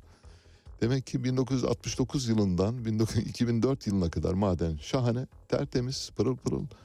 Hiçbir yeri kirletmiyor ama Turgay Ciner aldıktan sonra ansızın kirlilik başlıyor. Bu bir manipülatif haberdir. Bu bir ısmarlama haberdir, sipariş haberdir. Şimdi bu korku filmlerinde görürsünüz ya bunu hep söylüyorum. Korku filmlerinde genellikle karanlıkta çekilir. İşte bir kapı aralanır böyle hafifçe. Kapının aralığından bir ışık sızar. Evin içine yumuşak tabanlı bir postal girer. Sonra öteki postal girer. Bağcıklarına çıkar kamera böyle yavaş yavaş yukarı doğru çıkar. Sonra ayağında bir komando pantolonu görürsünüz. Komando pantolonun iki yanında bıçak kılıfları vardır. Onlar sarkar. Üzerinde çeşitli cinayet aletleri olan. Sonra kamera biraz daha yukarı çıkar. Adamın elindeki bıçağa gelir. Bıçak böyle ışıldıyordur ay ışığında. Ve duşta da biri vardır. Oraya doğru ilerliyordur. Bu sahneyi korku filmi yönetmenleri genellikle uzatırlar. Çok severler. Çünkü bu sahne ölüm ölümcül bir şekilde izlenir. Yani 10 dakikada yapsanız 10 dakika izlenir öyle. Kimse filmi bırakıp gitmez. İşte bu şu haber öyle yazılıyor. Şimdi buraya kadarı henüz daha bıçağa gelmedik. Nereye geldik? Botları gördük. Adamın bıçak kılıflarını gördük. Cinayet aletlerini gördük. Kim olduğunu görmedik. Daha olayı bilmiyoruz. Şimdi altın madenlerinde genellikle altın madenlerindeki devir şöyle oluyor. Altın madenlerinde. Altını biliyorsunuz Türkiye'de uzunca bir dönemdir Kanadalılar, Avustralyalılar, Yeni Zelandalılar araştırıyordu. Fransızlar keza. Onlar çünkü altın bulma konusunda uzmandı. Artık onların uzmanlığına gerek kalmadı. Onların uzmanlığına gerek kalmadığı için altın madenlerinin olduğu yerlerde çevreciler ayaklandırılıyor ve çevreciler o altın madenini işleten Kanadalı şirkete, Yeni Zelandalı, Avustralyalı şirkete karşı nümayişler, gösteriler düzenliyorlar. Bir süre sonra şirket pes ediyor ama tazminatını alıyor ve gidiyor. Bunun örnekleri var birazdan paylaşacağım. Dolayısıyla altın madenine el koymak istiyorsanız, peşkeş çekmek istiyorsanız, bir şirkete devretmek istiyorsanız, bu şirketin kim olduğunu söyleyeceğim birazdan. Altın madeniyle ilgili bir olumsuz propaganda haberi başlatıyorsunuz, süreç başlatıyorsunuz. Tıpkı Turgay Ciner'in Şirvan Madenköy bakır madeninde olduğu gibi bakın haberden kan damlıyor. Dolayısıyla şirket Şirvan madeninde Ciner'e karşı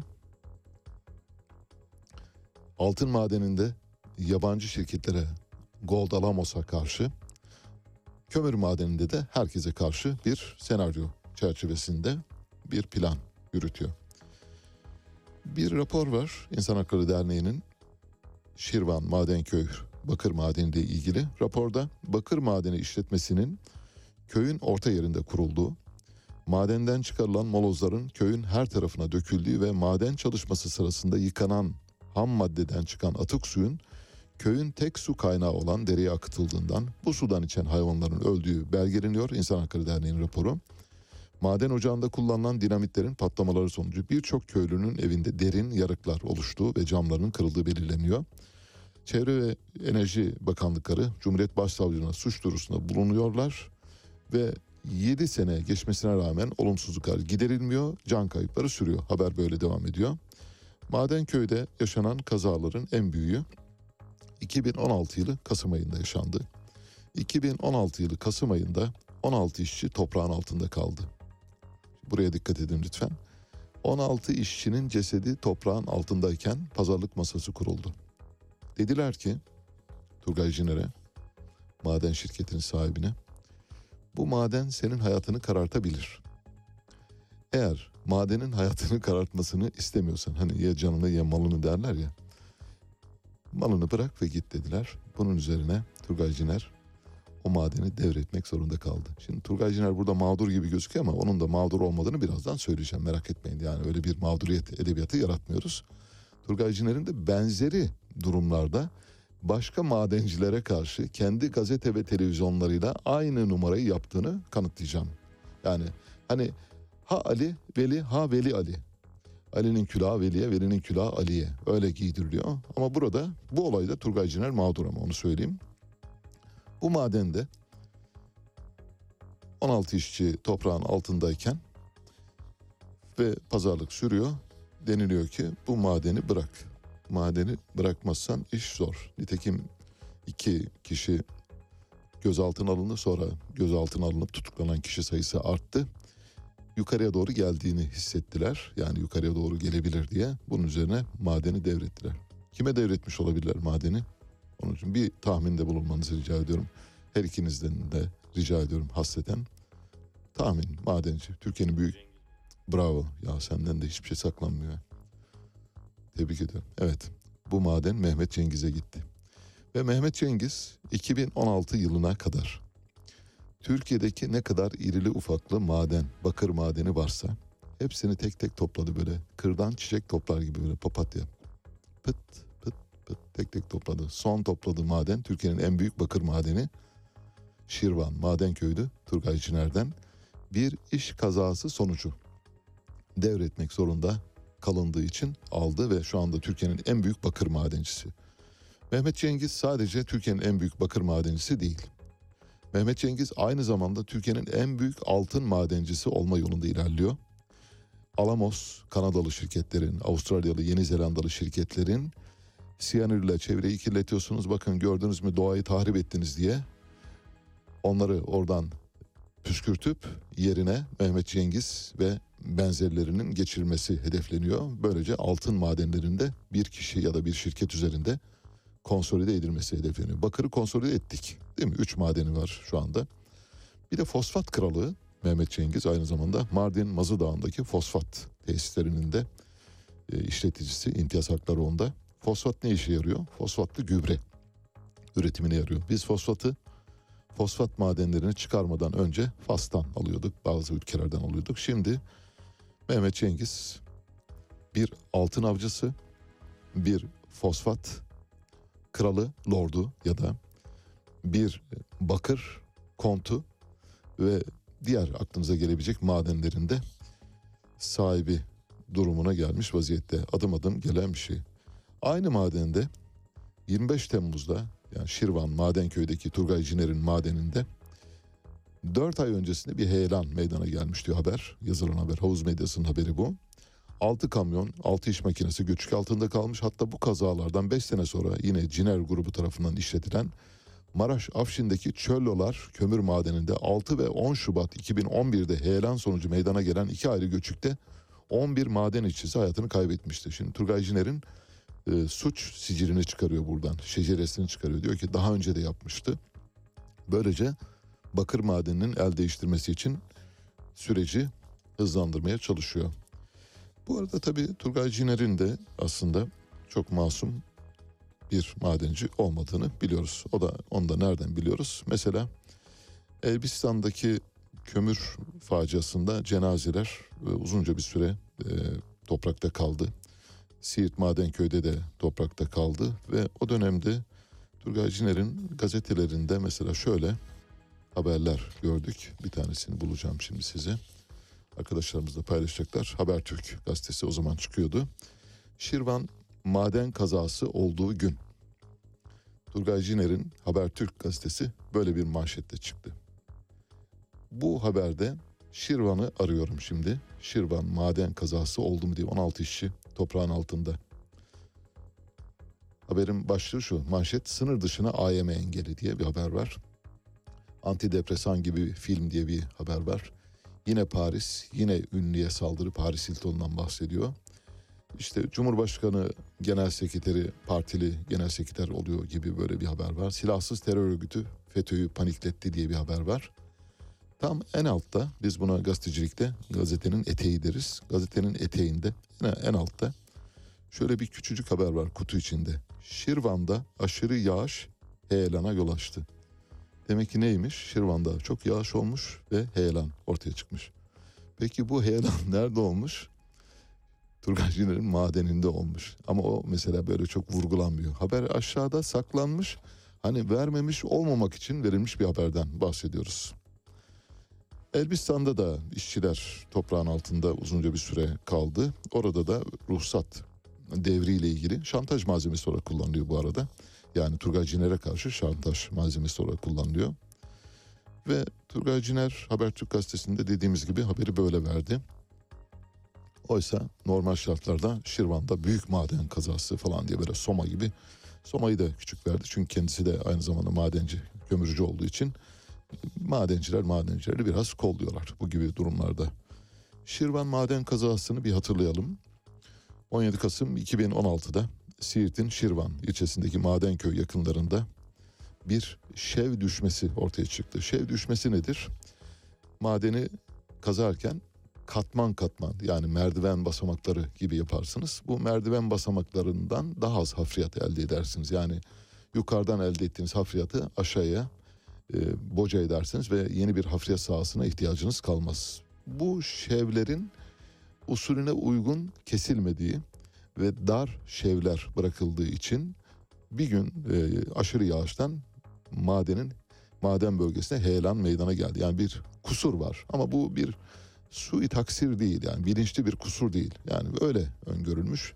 Uyarılar yapılmış mı yapılmamış mı bunu bilmiyoruz ama derken 25 Temmuz 2016'da toprak kayması oldu ve 16 işçi toprağın altında kaldı. İşçilerin bazılarının cesetleri çıkarıldı.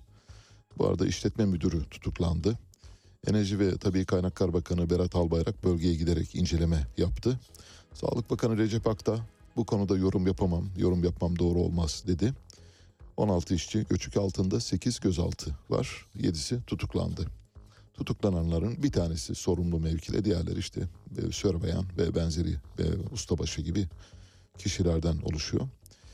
Bu arada Ciner'de mesela madenle ilgili o da kendince bir savaş veriyor. Örneğin Manisa'da bir e, maden sahası ile ilgili haberi verirken Colin grubunun yani Beşli Çete'den Colin, Colin Limak, Cengiz Kalyon, Mapa Makyol. Beşli Çete'nin üyesi olan Colin grubunun Manisa'daki bir maden sahası ile ilgili Ciner grubunun gazete ve televizyonları günlerce şöyle yayın yaptılar. Zeytin sahası yatırımı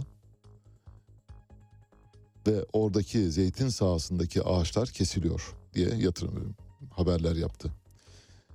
Zeytin bir nimettir. Kutsal bir, bir nimettir falan diye haberler yapılıyor bakın Ciner medyasında. Colin grubunun maden yatırımını engellemek için günlerce manşet attılar. Zeytin mukaddestir, kutsaldır, zeytinler kesiliyor diye haberler yaptılar. Yani savaş her boyutta sürüyor. Biri ötekine, gücü gücü yetene. Şimdi Mehmet Cengiz daha güçlü olduğu için Mehmet Cengiz'le uğraşamıyor ama mesela Colin daha zayıf olduğu için onunla uğraşıyor. Zeytin mukaddestir. Nasıl? Zeytin ama hakikaten de öyle değil mi? Mukaddes bir meyve. Yani yanlış değil.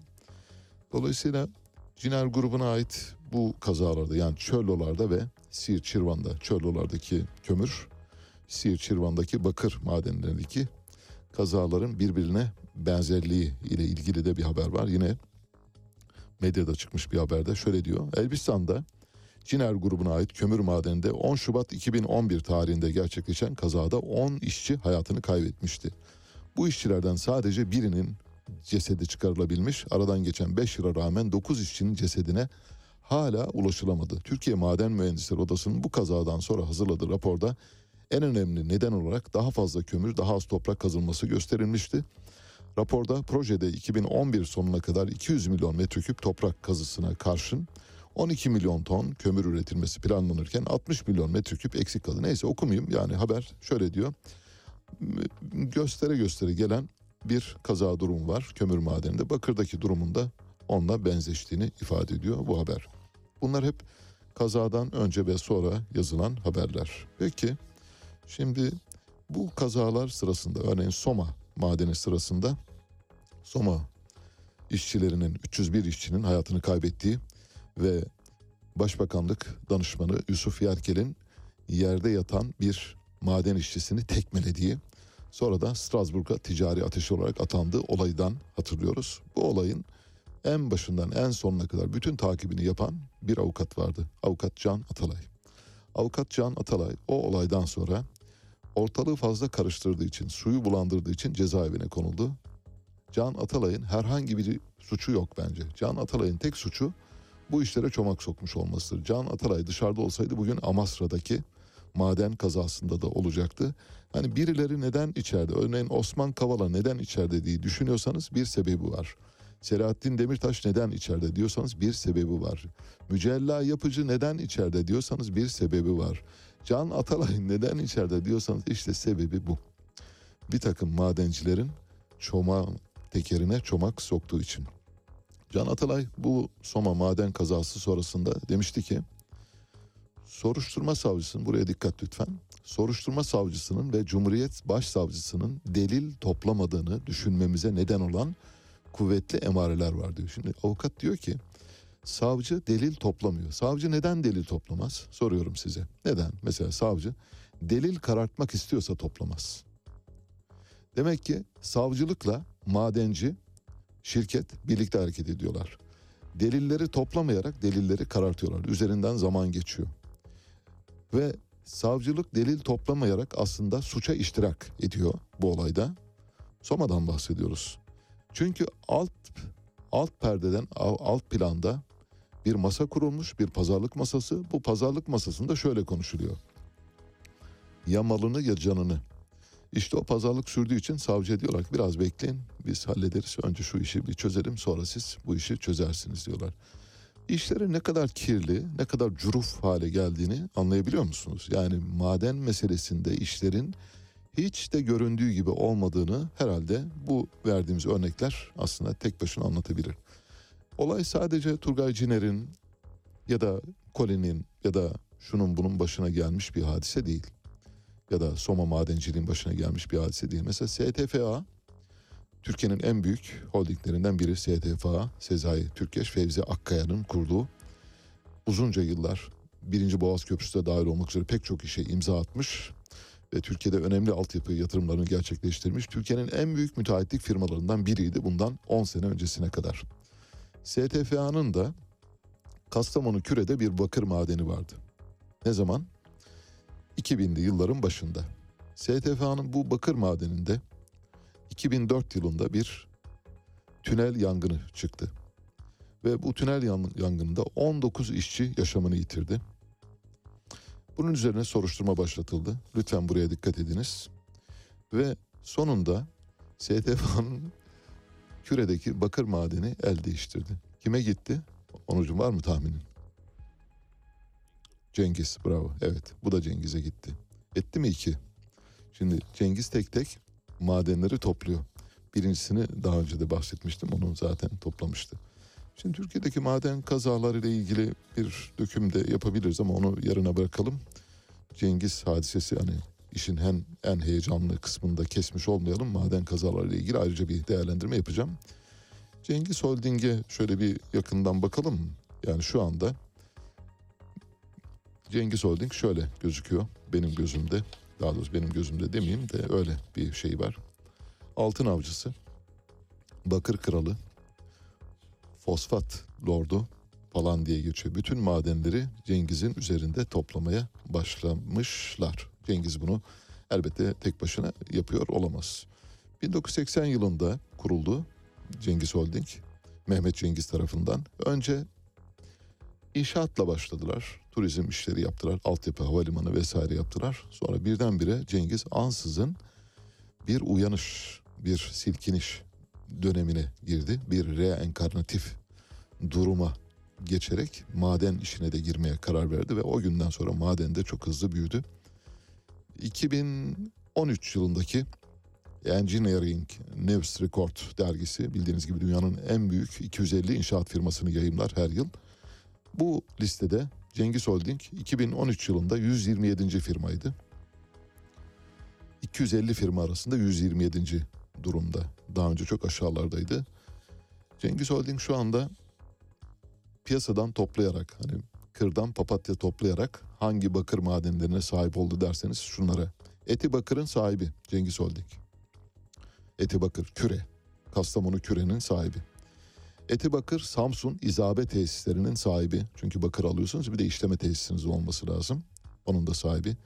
Eti Alüminyum sahibi Tekel bu konuda. Eti Alüminyum tek başına yani Türkiye'nin en büyük bir kartel. Eti Alüminyum'un da sahibi Mehmet Cengiz. Murgul Bakır işletmelerinin sahibi yine Mehmet Cengiz. Bunu da bir şekilde bir devir yoluyla elde etmiş durumda. Halıköy'deki Antimuan tesislerinin sahibi. Mazıdağ Fosfat tesislerinin sahibi Cengiz. Lahanos Etibakır tesislerinin sahibi ve en son Ciner grubundan 16 işçinin cesedi toprak altındayken aldığı Şirvan Madenköy bakır tesislerinin sahibi. Demek ki mesele son derece açık. Bir madenciyi büyük hale getirmek, mümkünse Türkiye'deki bütün madenleri bir kişinin üzerinde toplamak, temerküz ettirmek, konsolidasyona gitmek için planlı bir çalışma yürütülüyor. Bu uğurda önüne çıkan bütün engelleri aşabilecek durumda Mehmet Cengiz. Önüne çıkan engel Türkiye'nin en büyük, bundan 10 yıl önce Türkiye'nin en büyük madencisi diye gözüken Turgay Ciner olsa bile. Türkiye'nin en büyük medya patronu Turgay Ciner olsa bile. Dünyanın en büyük altın üreticisi Alamos Gold olsa bile Mehmet Cengiz'in önünde durmalarına imkan yok. Evet. Böylece Mehmet Cengiz bu yollarla elde ettiği bakır tesisleriyle Türkiye'nin maden kralı durumuna gelmiş. Şimdi Mehmet Cengiz'in hedefinde Gübretaş'ın altın madeni var. Fakat Gübretaş'ın altın madenini almayacak. Neden almayacağını söyleyeceğim. Diğer e, Kanadalıların, Yeni Zelandalıların, Avustralyalıların çıkardığı altın madenlerine ufak ufak yürüyorlar şu anda. Siyanür var. Siyanür havuzu patladı. Çevreyi kirletiyor falan. Evet çevreyi kirlettiği ortada biliyoruz ama o aldığı zaman çevre kirlenmiyor. Ayrıca şunu yapıyorlar mesela bir yere önce yabancı geliyor. Bir Kanadalı şirket geliyor. Alamos Gold. Alamos Gold bir ruhsatı alıyor. Altın madeni ruhsatını. Diyorlar ki Alamos Gold'a bu altın madeni senin. Burayı çalıştır. Alamos Gold başlıyor ağaçları kesmeye. 250 bin ağaç kesiyor. 250 bin ağaç kesiyor. Hafriyat yapıyor. Yerin altına giriyor. Galeriler açıyor ve altını çıkarmaya başlıyor. Sonra bir gün diyorlar ki çok kirletiyorsunuz çevreyi. Siyanür var.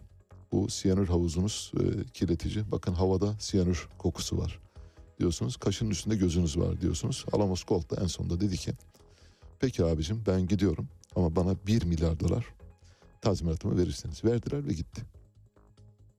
Şimdi Alamos Gold'un çıkardığı yani ağaçları kesme işini Alamos Gold'a yaptırıyorlar.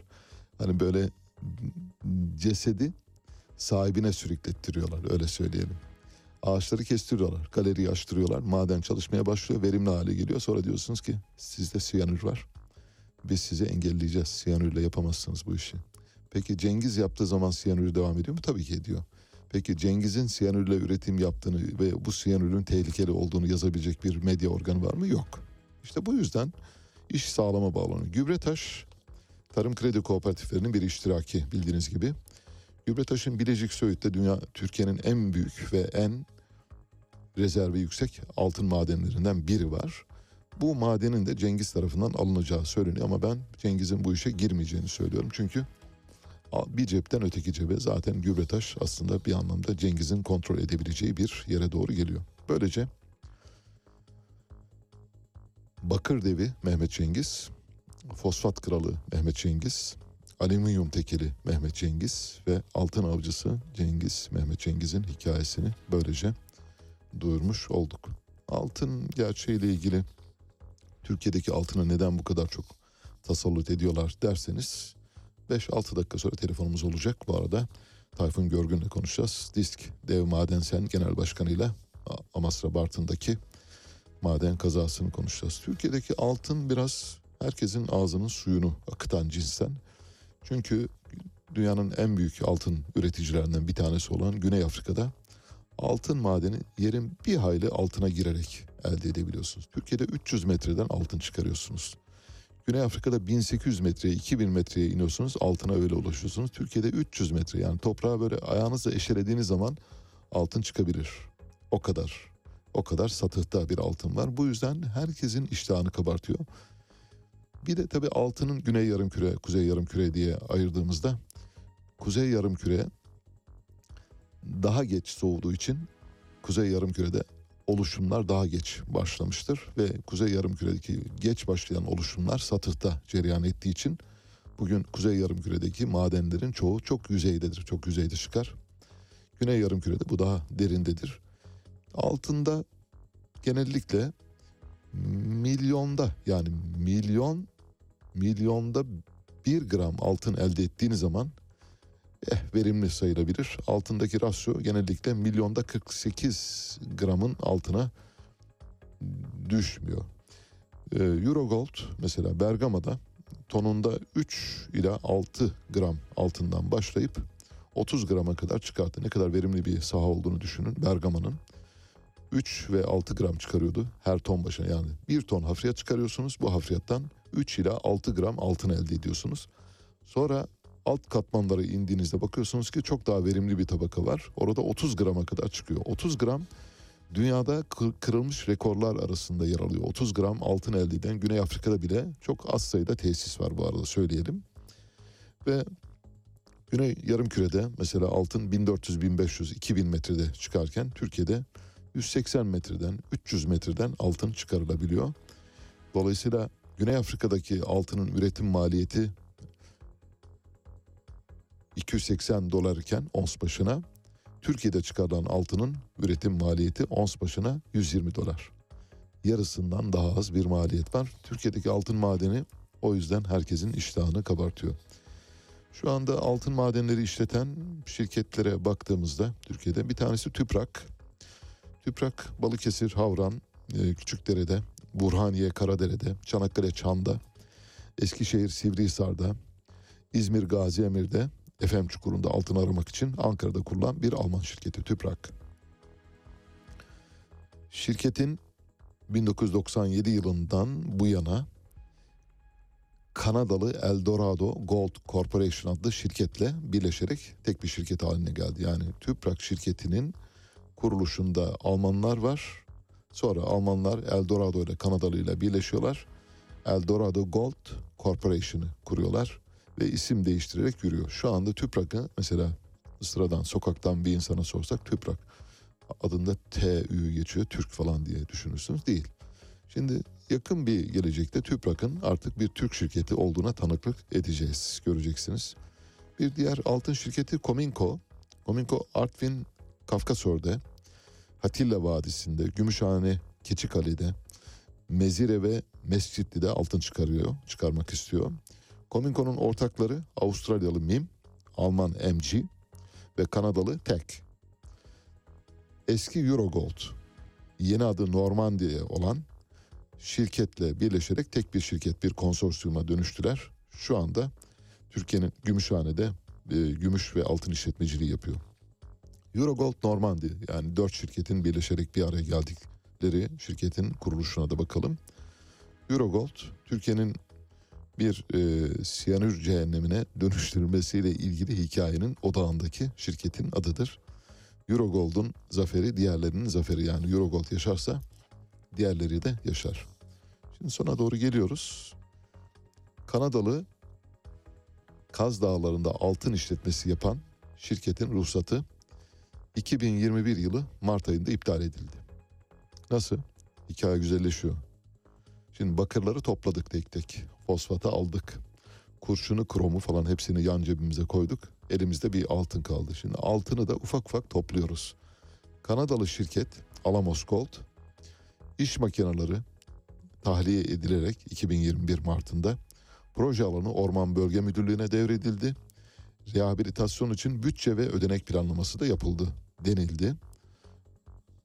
Ve Kanadalı Alamos Gold ile ilgili İstanbul Dayanışması şöyle bir açıklama yapmıştı o zaman. Doğa düşmanı Alamos Gold'u kararlı ve tüm zorluklara göğüs geren bir direniş pratiği Kaz Dağları'ndan söküp atabilirdi. Biz de kararlı ve kesinsiz bir direniş ortaya koyarak bu kazanımı Türkiye ekoloji mücadelesi tarihine yazdırmayı başardık. Şimdi sıra katliamın gerçekleştirildiği 350 bin ağacın kesildiği kurdun, kuşun, domuzun, sincapın yuvası olan bu alanın rehabilite edilmesinde. Şimdi ağaçları kestiriyorsunuz Alamos Gold'da. Alamos Gold diyor ki tamam peki gidiyorum. Madem beni istemiyorsunuz o zaman benim 1 milyar dolar tazminatım var. 1 milyar dolar tazminatını verdiler. Alamos Gold'u gönderdiler. Ağaçları kesti. Madeni açtı. Üretime başladı. Üretime başladıktan sonra birdenbire siyanür patladı. Yani siyanür meselesi patladı. Siyanür meselesi patlayınca Alamos o zaman tamam peki paramı verin gideyim dedi. Alamos parasını veriyoruz ve şirketi de ufak ufak nereye devrediyoruz? Milli Maden Peşkeş şirketimize devretmeye hazırlanıyoruz. Burada ateşteki kestaneleri yabancılara çözdürüyorlar, aldırıyorlar daha doğrusu. Yani ağaçları keserken Alamos Gold kesiyor. Orayı böyle bir maden işletmesi için elverişli hale getirme işini yabancıya yaptırıyorsunuz. Sonra yabancıyı gönderiyorsunuz. Yabancı siyanürle kirletiyorsun diye onu devreden çıkarıyorsunuz.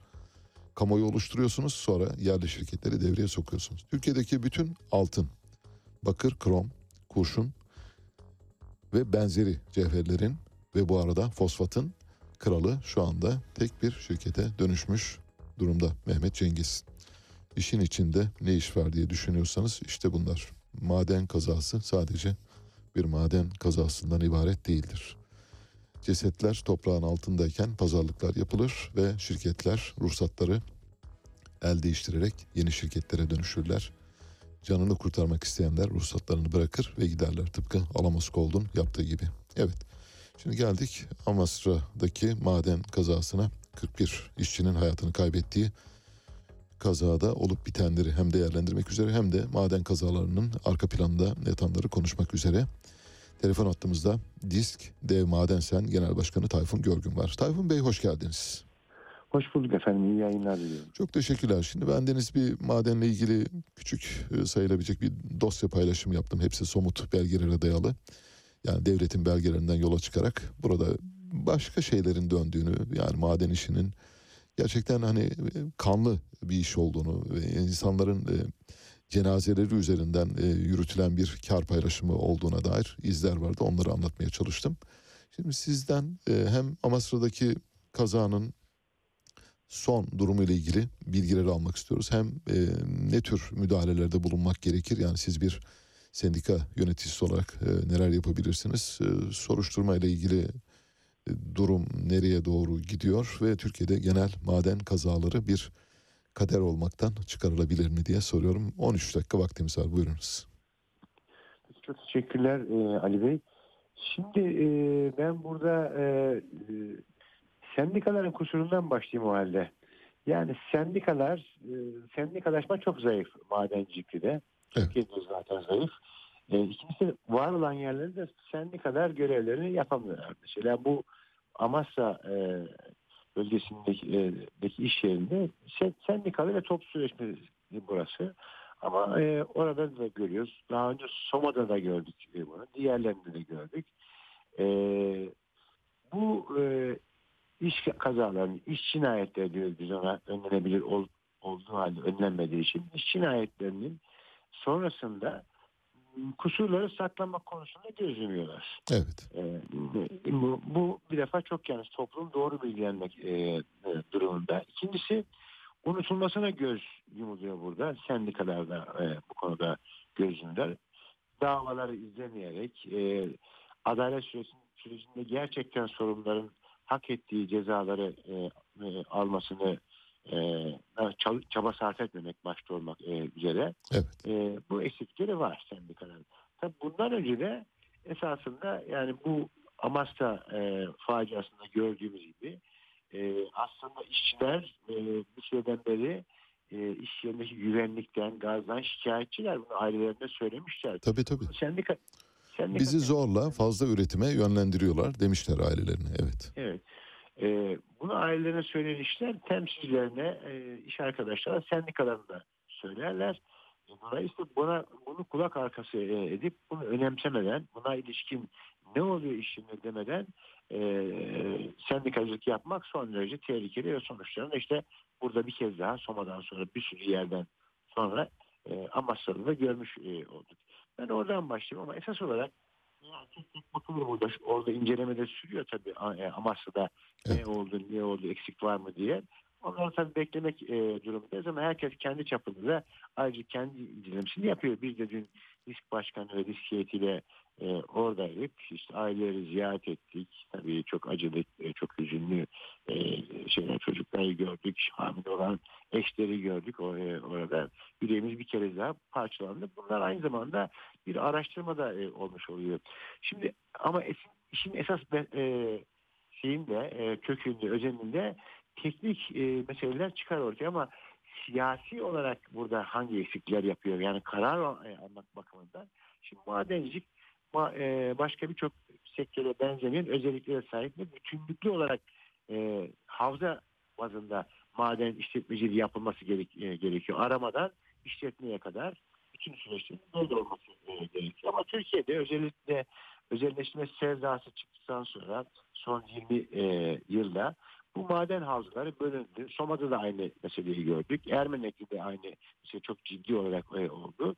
E, ve burada da e, var. E, bu havzaları bölüyorlar, çeşitli iş, e, işletmelere veriyorlar ve e, ağırlıklı olarak özel sektöre e, veriyorlar. Şimdi mesela Amasya'da 620 e, 622 milyon tonluk bir kömür, kömür rezervi var. Bu Evet. toplam Zonguldak'ın taş kömür rezervinin dörtte birinden fazla bir e, rakamdır. Evet. E, önemli bir havza yani. Tabii, Bu çok büyük. Tabii bu Amasya e, bölgesinin e, e, madenlerinde yüzde 97'si hatta bir şirkete verilmiş, özel sektöre verilmiş e, durumda.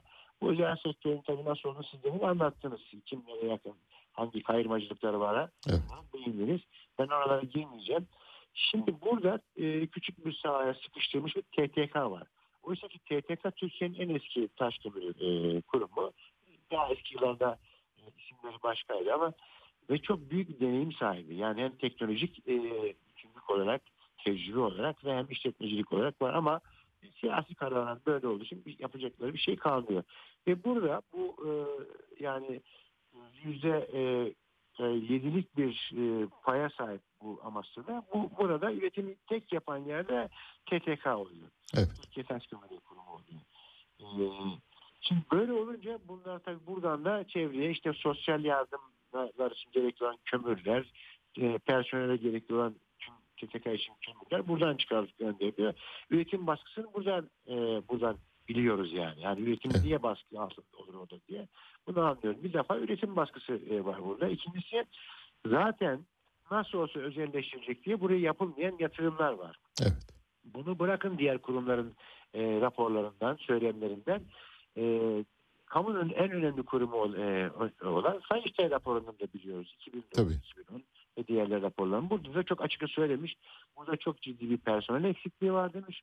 Bu personel eksikliği üretim e, eksikliğini getirir. E, rentable olmayı, e, rentable olmamayı e, gündeme getirir. Ama demiş daha da önemlisi bu kaza bazında bakarsak burada çok ciddi kaza riskleri e, e, var demiş. Yani kazaya neden olacak e, olan değerlerin, ölçümlerin, tehlikelerin e, birimler arasındaki haberleşmede fark edilmesinde, ölçülmesinde çok ciddi eksiklerden bahsetmiş ve bu personel eksiklerinin hızla giderilmesi gerektiğinden de e, bahsetmiş e, durumda. Hani ben çok e, ayrıntıya girmeyeyim orada ama özellikle eksi 350 kodundan sonra çok ciddi bir e, metanlaşma e, süreci var. Biliyorsunuz oradaki yani kömür ocaklarındaki patlamaları e, yaratan şey metan. Arkasından karbon monoksit falan geliyor.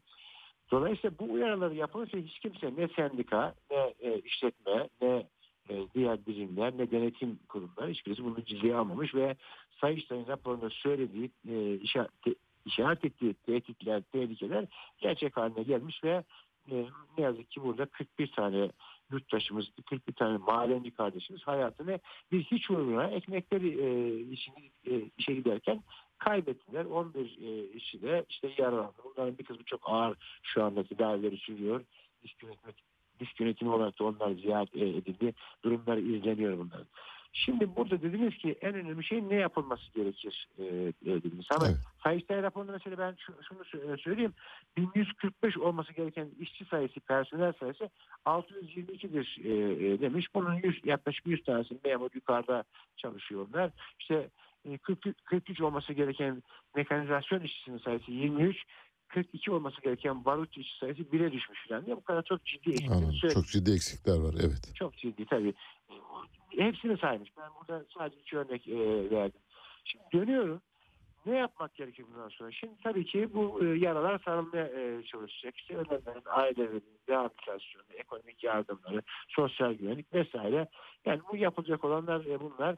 Ama en önemli şey biz bu kazayı unutmamız, unutturmamamız gerekiyor ve bu e, e, kazaya, bu katliama sebep olan sebepleri ortaya gerçekten gizlemekte ortaya çıkarmamız lazım ve sorumluları çıkarmamız lazım. Mesela Soma'da 301 işçi olup Türkiye tarihinin en büyük e, toplu iş kazası, ölümlü iş kazası, iş cinayeti. İçeride hiç kimse yok şu anda. Yani hiçbir sorumlu, Evet. e, esas sorumlu diyeyim e, oraya. Yani bakanı, genel müdürü, işte diğer kamu e, birimleri, hiç kimse ne bir istifa var, ne bir özür var, ne bir utanma var. E, hesap sorulamayacağım. İşte böyle oluyor ve bu aslında yeni kazalarında, yeni iş cinayetlerinde olmasına imkan ve olanak ta- e, tanıyor. Çünkü bakıyor ki yetkililer yani bu üretim baskısını yapanlar, denetim eksikliğini yapanlar, e, özelleştirme nasıl olacak e, diye ve olduğu diye e, gerekli yatırımları yapmayanlar, personel al, e, almayanlar, e, dolayısıyla bunların hiçbirisi e, bir ceza ile karşılaşmadığı için, bir suçlanmayla karşılaşmadığı için de bundan sonra da aynı kusurların devamı konusunda hiç kimse korkusuzca devam ediyor. Aynen. Evet. Sistem de e, böyle. Peki. Ee, çok teşekkürler e, Tayfun Bey e, katıldığınız için. E, size kolaylıklar diliyoruz. E, sanıyorum e, siz o bölgedesiniz yani birkaç gündür oradasınız. Orada incelemelerde bulunuyorsunuz. E, kolaylıklar diliyoruz size. Gece döndük. E, Öyle mi? buraya. Tamam. E, e, evet. Efendim çok teşekkür ederiz. İşçilerin yarasına, derdine, ölümlerine e, şey yaptığınız. Ne demek? Ne demek? E, Onların yarası bizim yaramız. Peki. Biz çok teşekkür ediyoruz. Sağ olun. Saygılar sunuyoruz. Disk Dev Madensen Genel Başkanı Tayfun Görgün'le konuştuk. Ee, hatırlattığı bir unsur var. Onu e, tekrar altını çizelim. E, 301 madencinin hayatını kaybettiği Soma madenlerin Türkiye Cumhuriyeti tarihinin en büyük maden kazası, iş kazasıdır, iş cinayetidir. Şu anda içeride tutuklu tek kimse yok. Evet bu bile tek başına her şeyi anlatmaya yetiyor. Dolayısıyla biraz önceki madenlerle ilgili o vahşi pazarlıkların ve kanlı pazarlıkların nasıl döndüğünü aslında insan canı üzerinden nasıl yürüdüğünü anlatmak için de Soma'daki bu örneği tekrar hatırlatmak istedim.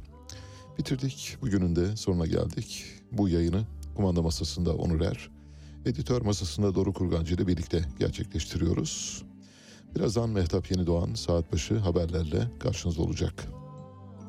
Robert Tree Cody'den bir Lakota parçası dinletiyoruz size. Bugün Amerika'nın gerçek sahipleri ve büyük sahipleri Kızılderililerin en savaşçı kabilesi Sioux'ların Lakotalarından, Dakotalarından, Nakotalarından size parçalar seçtik.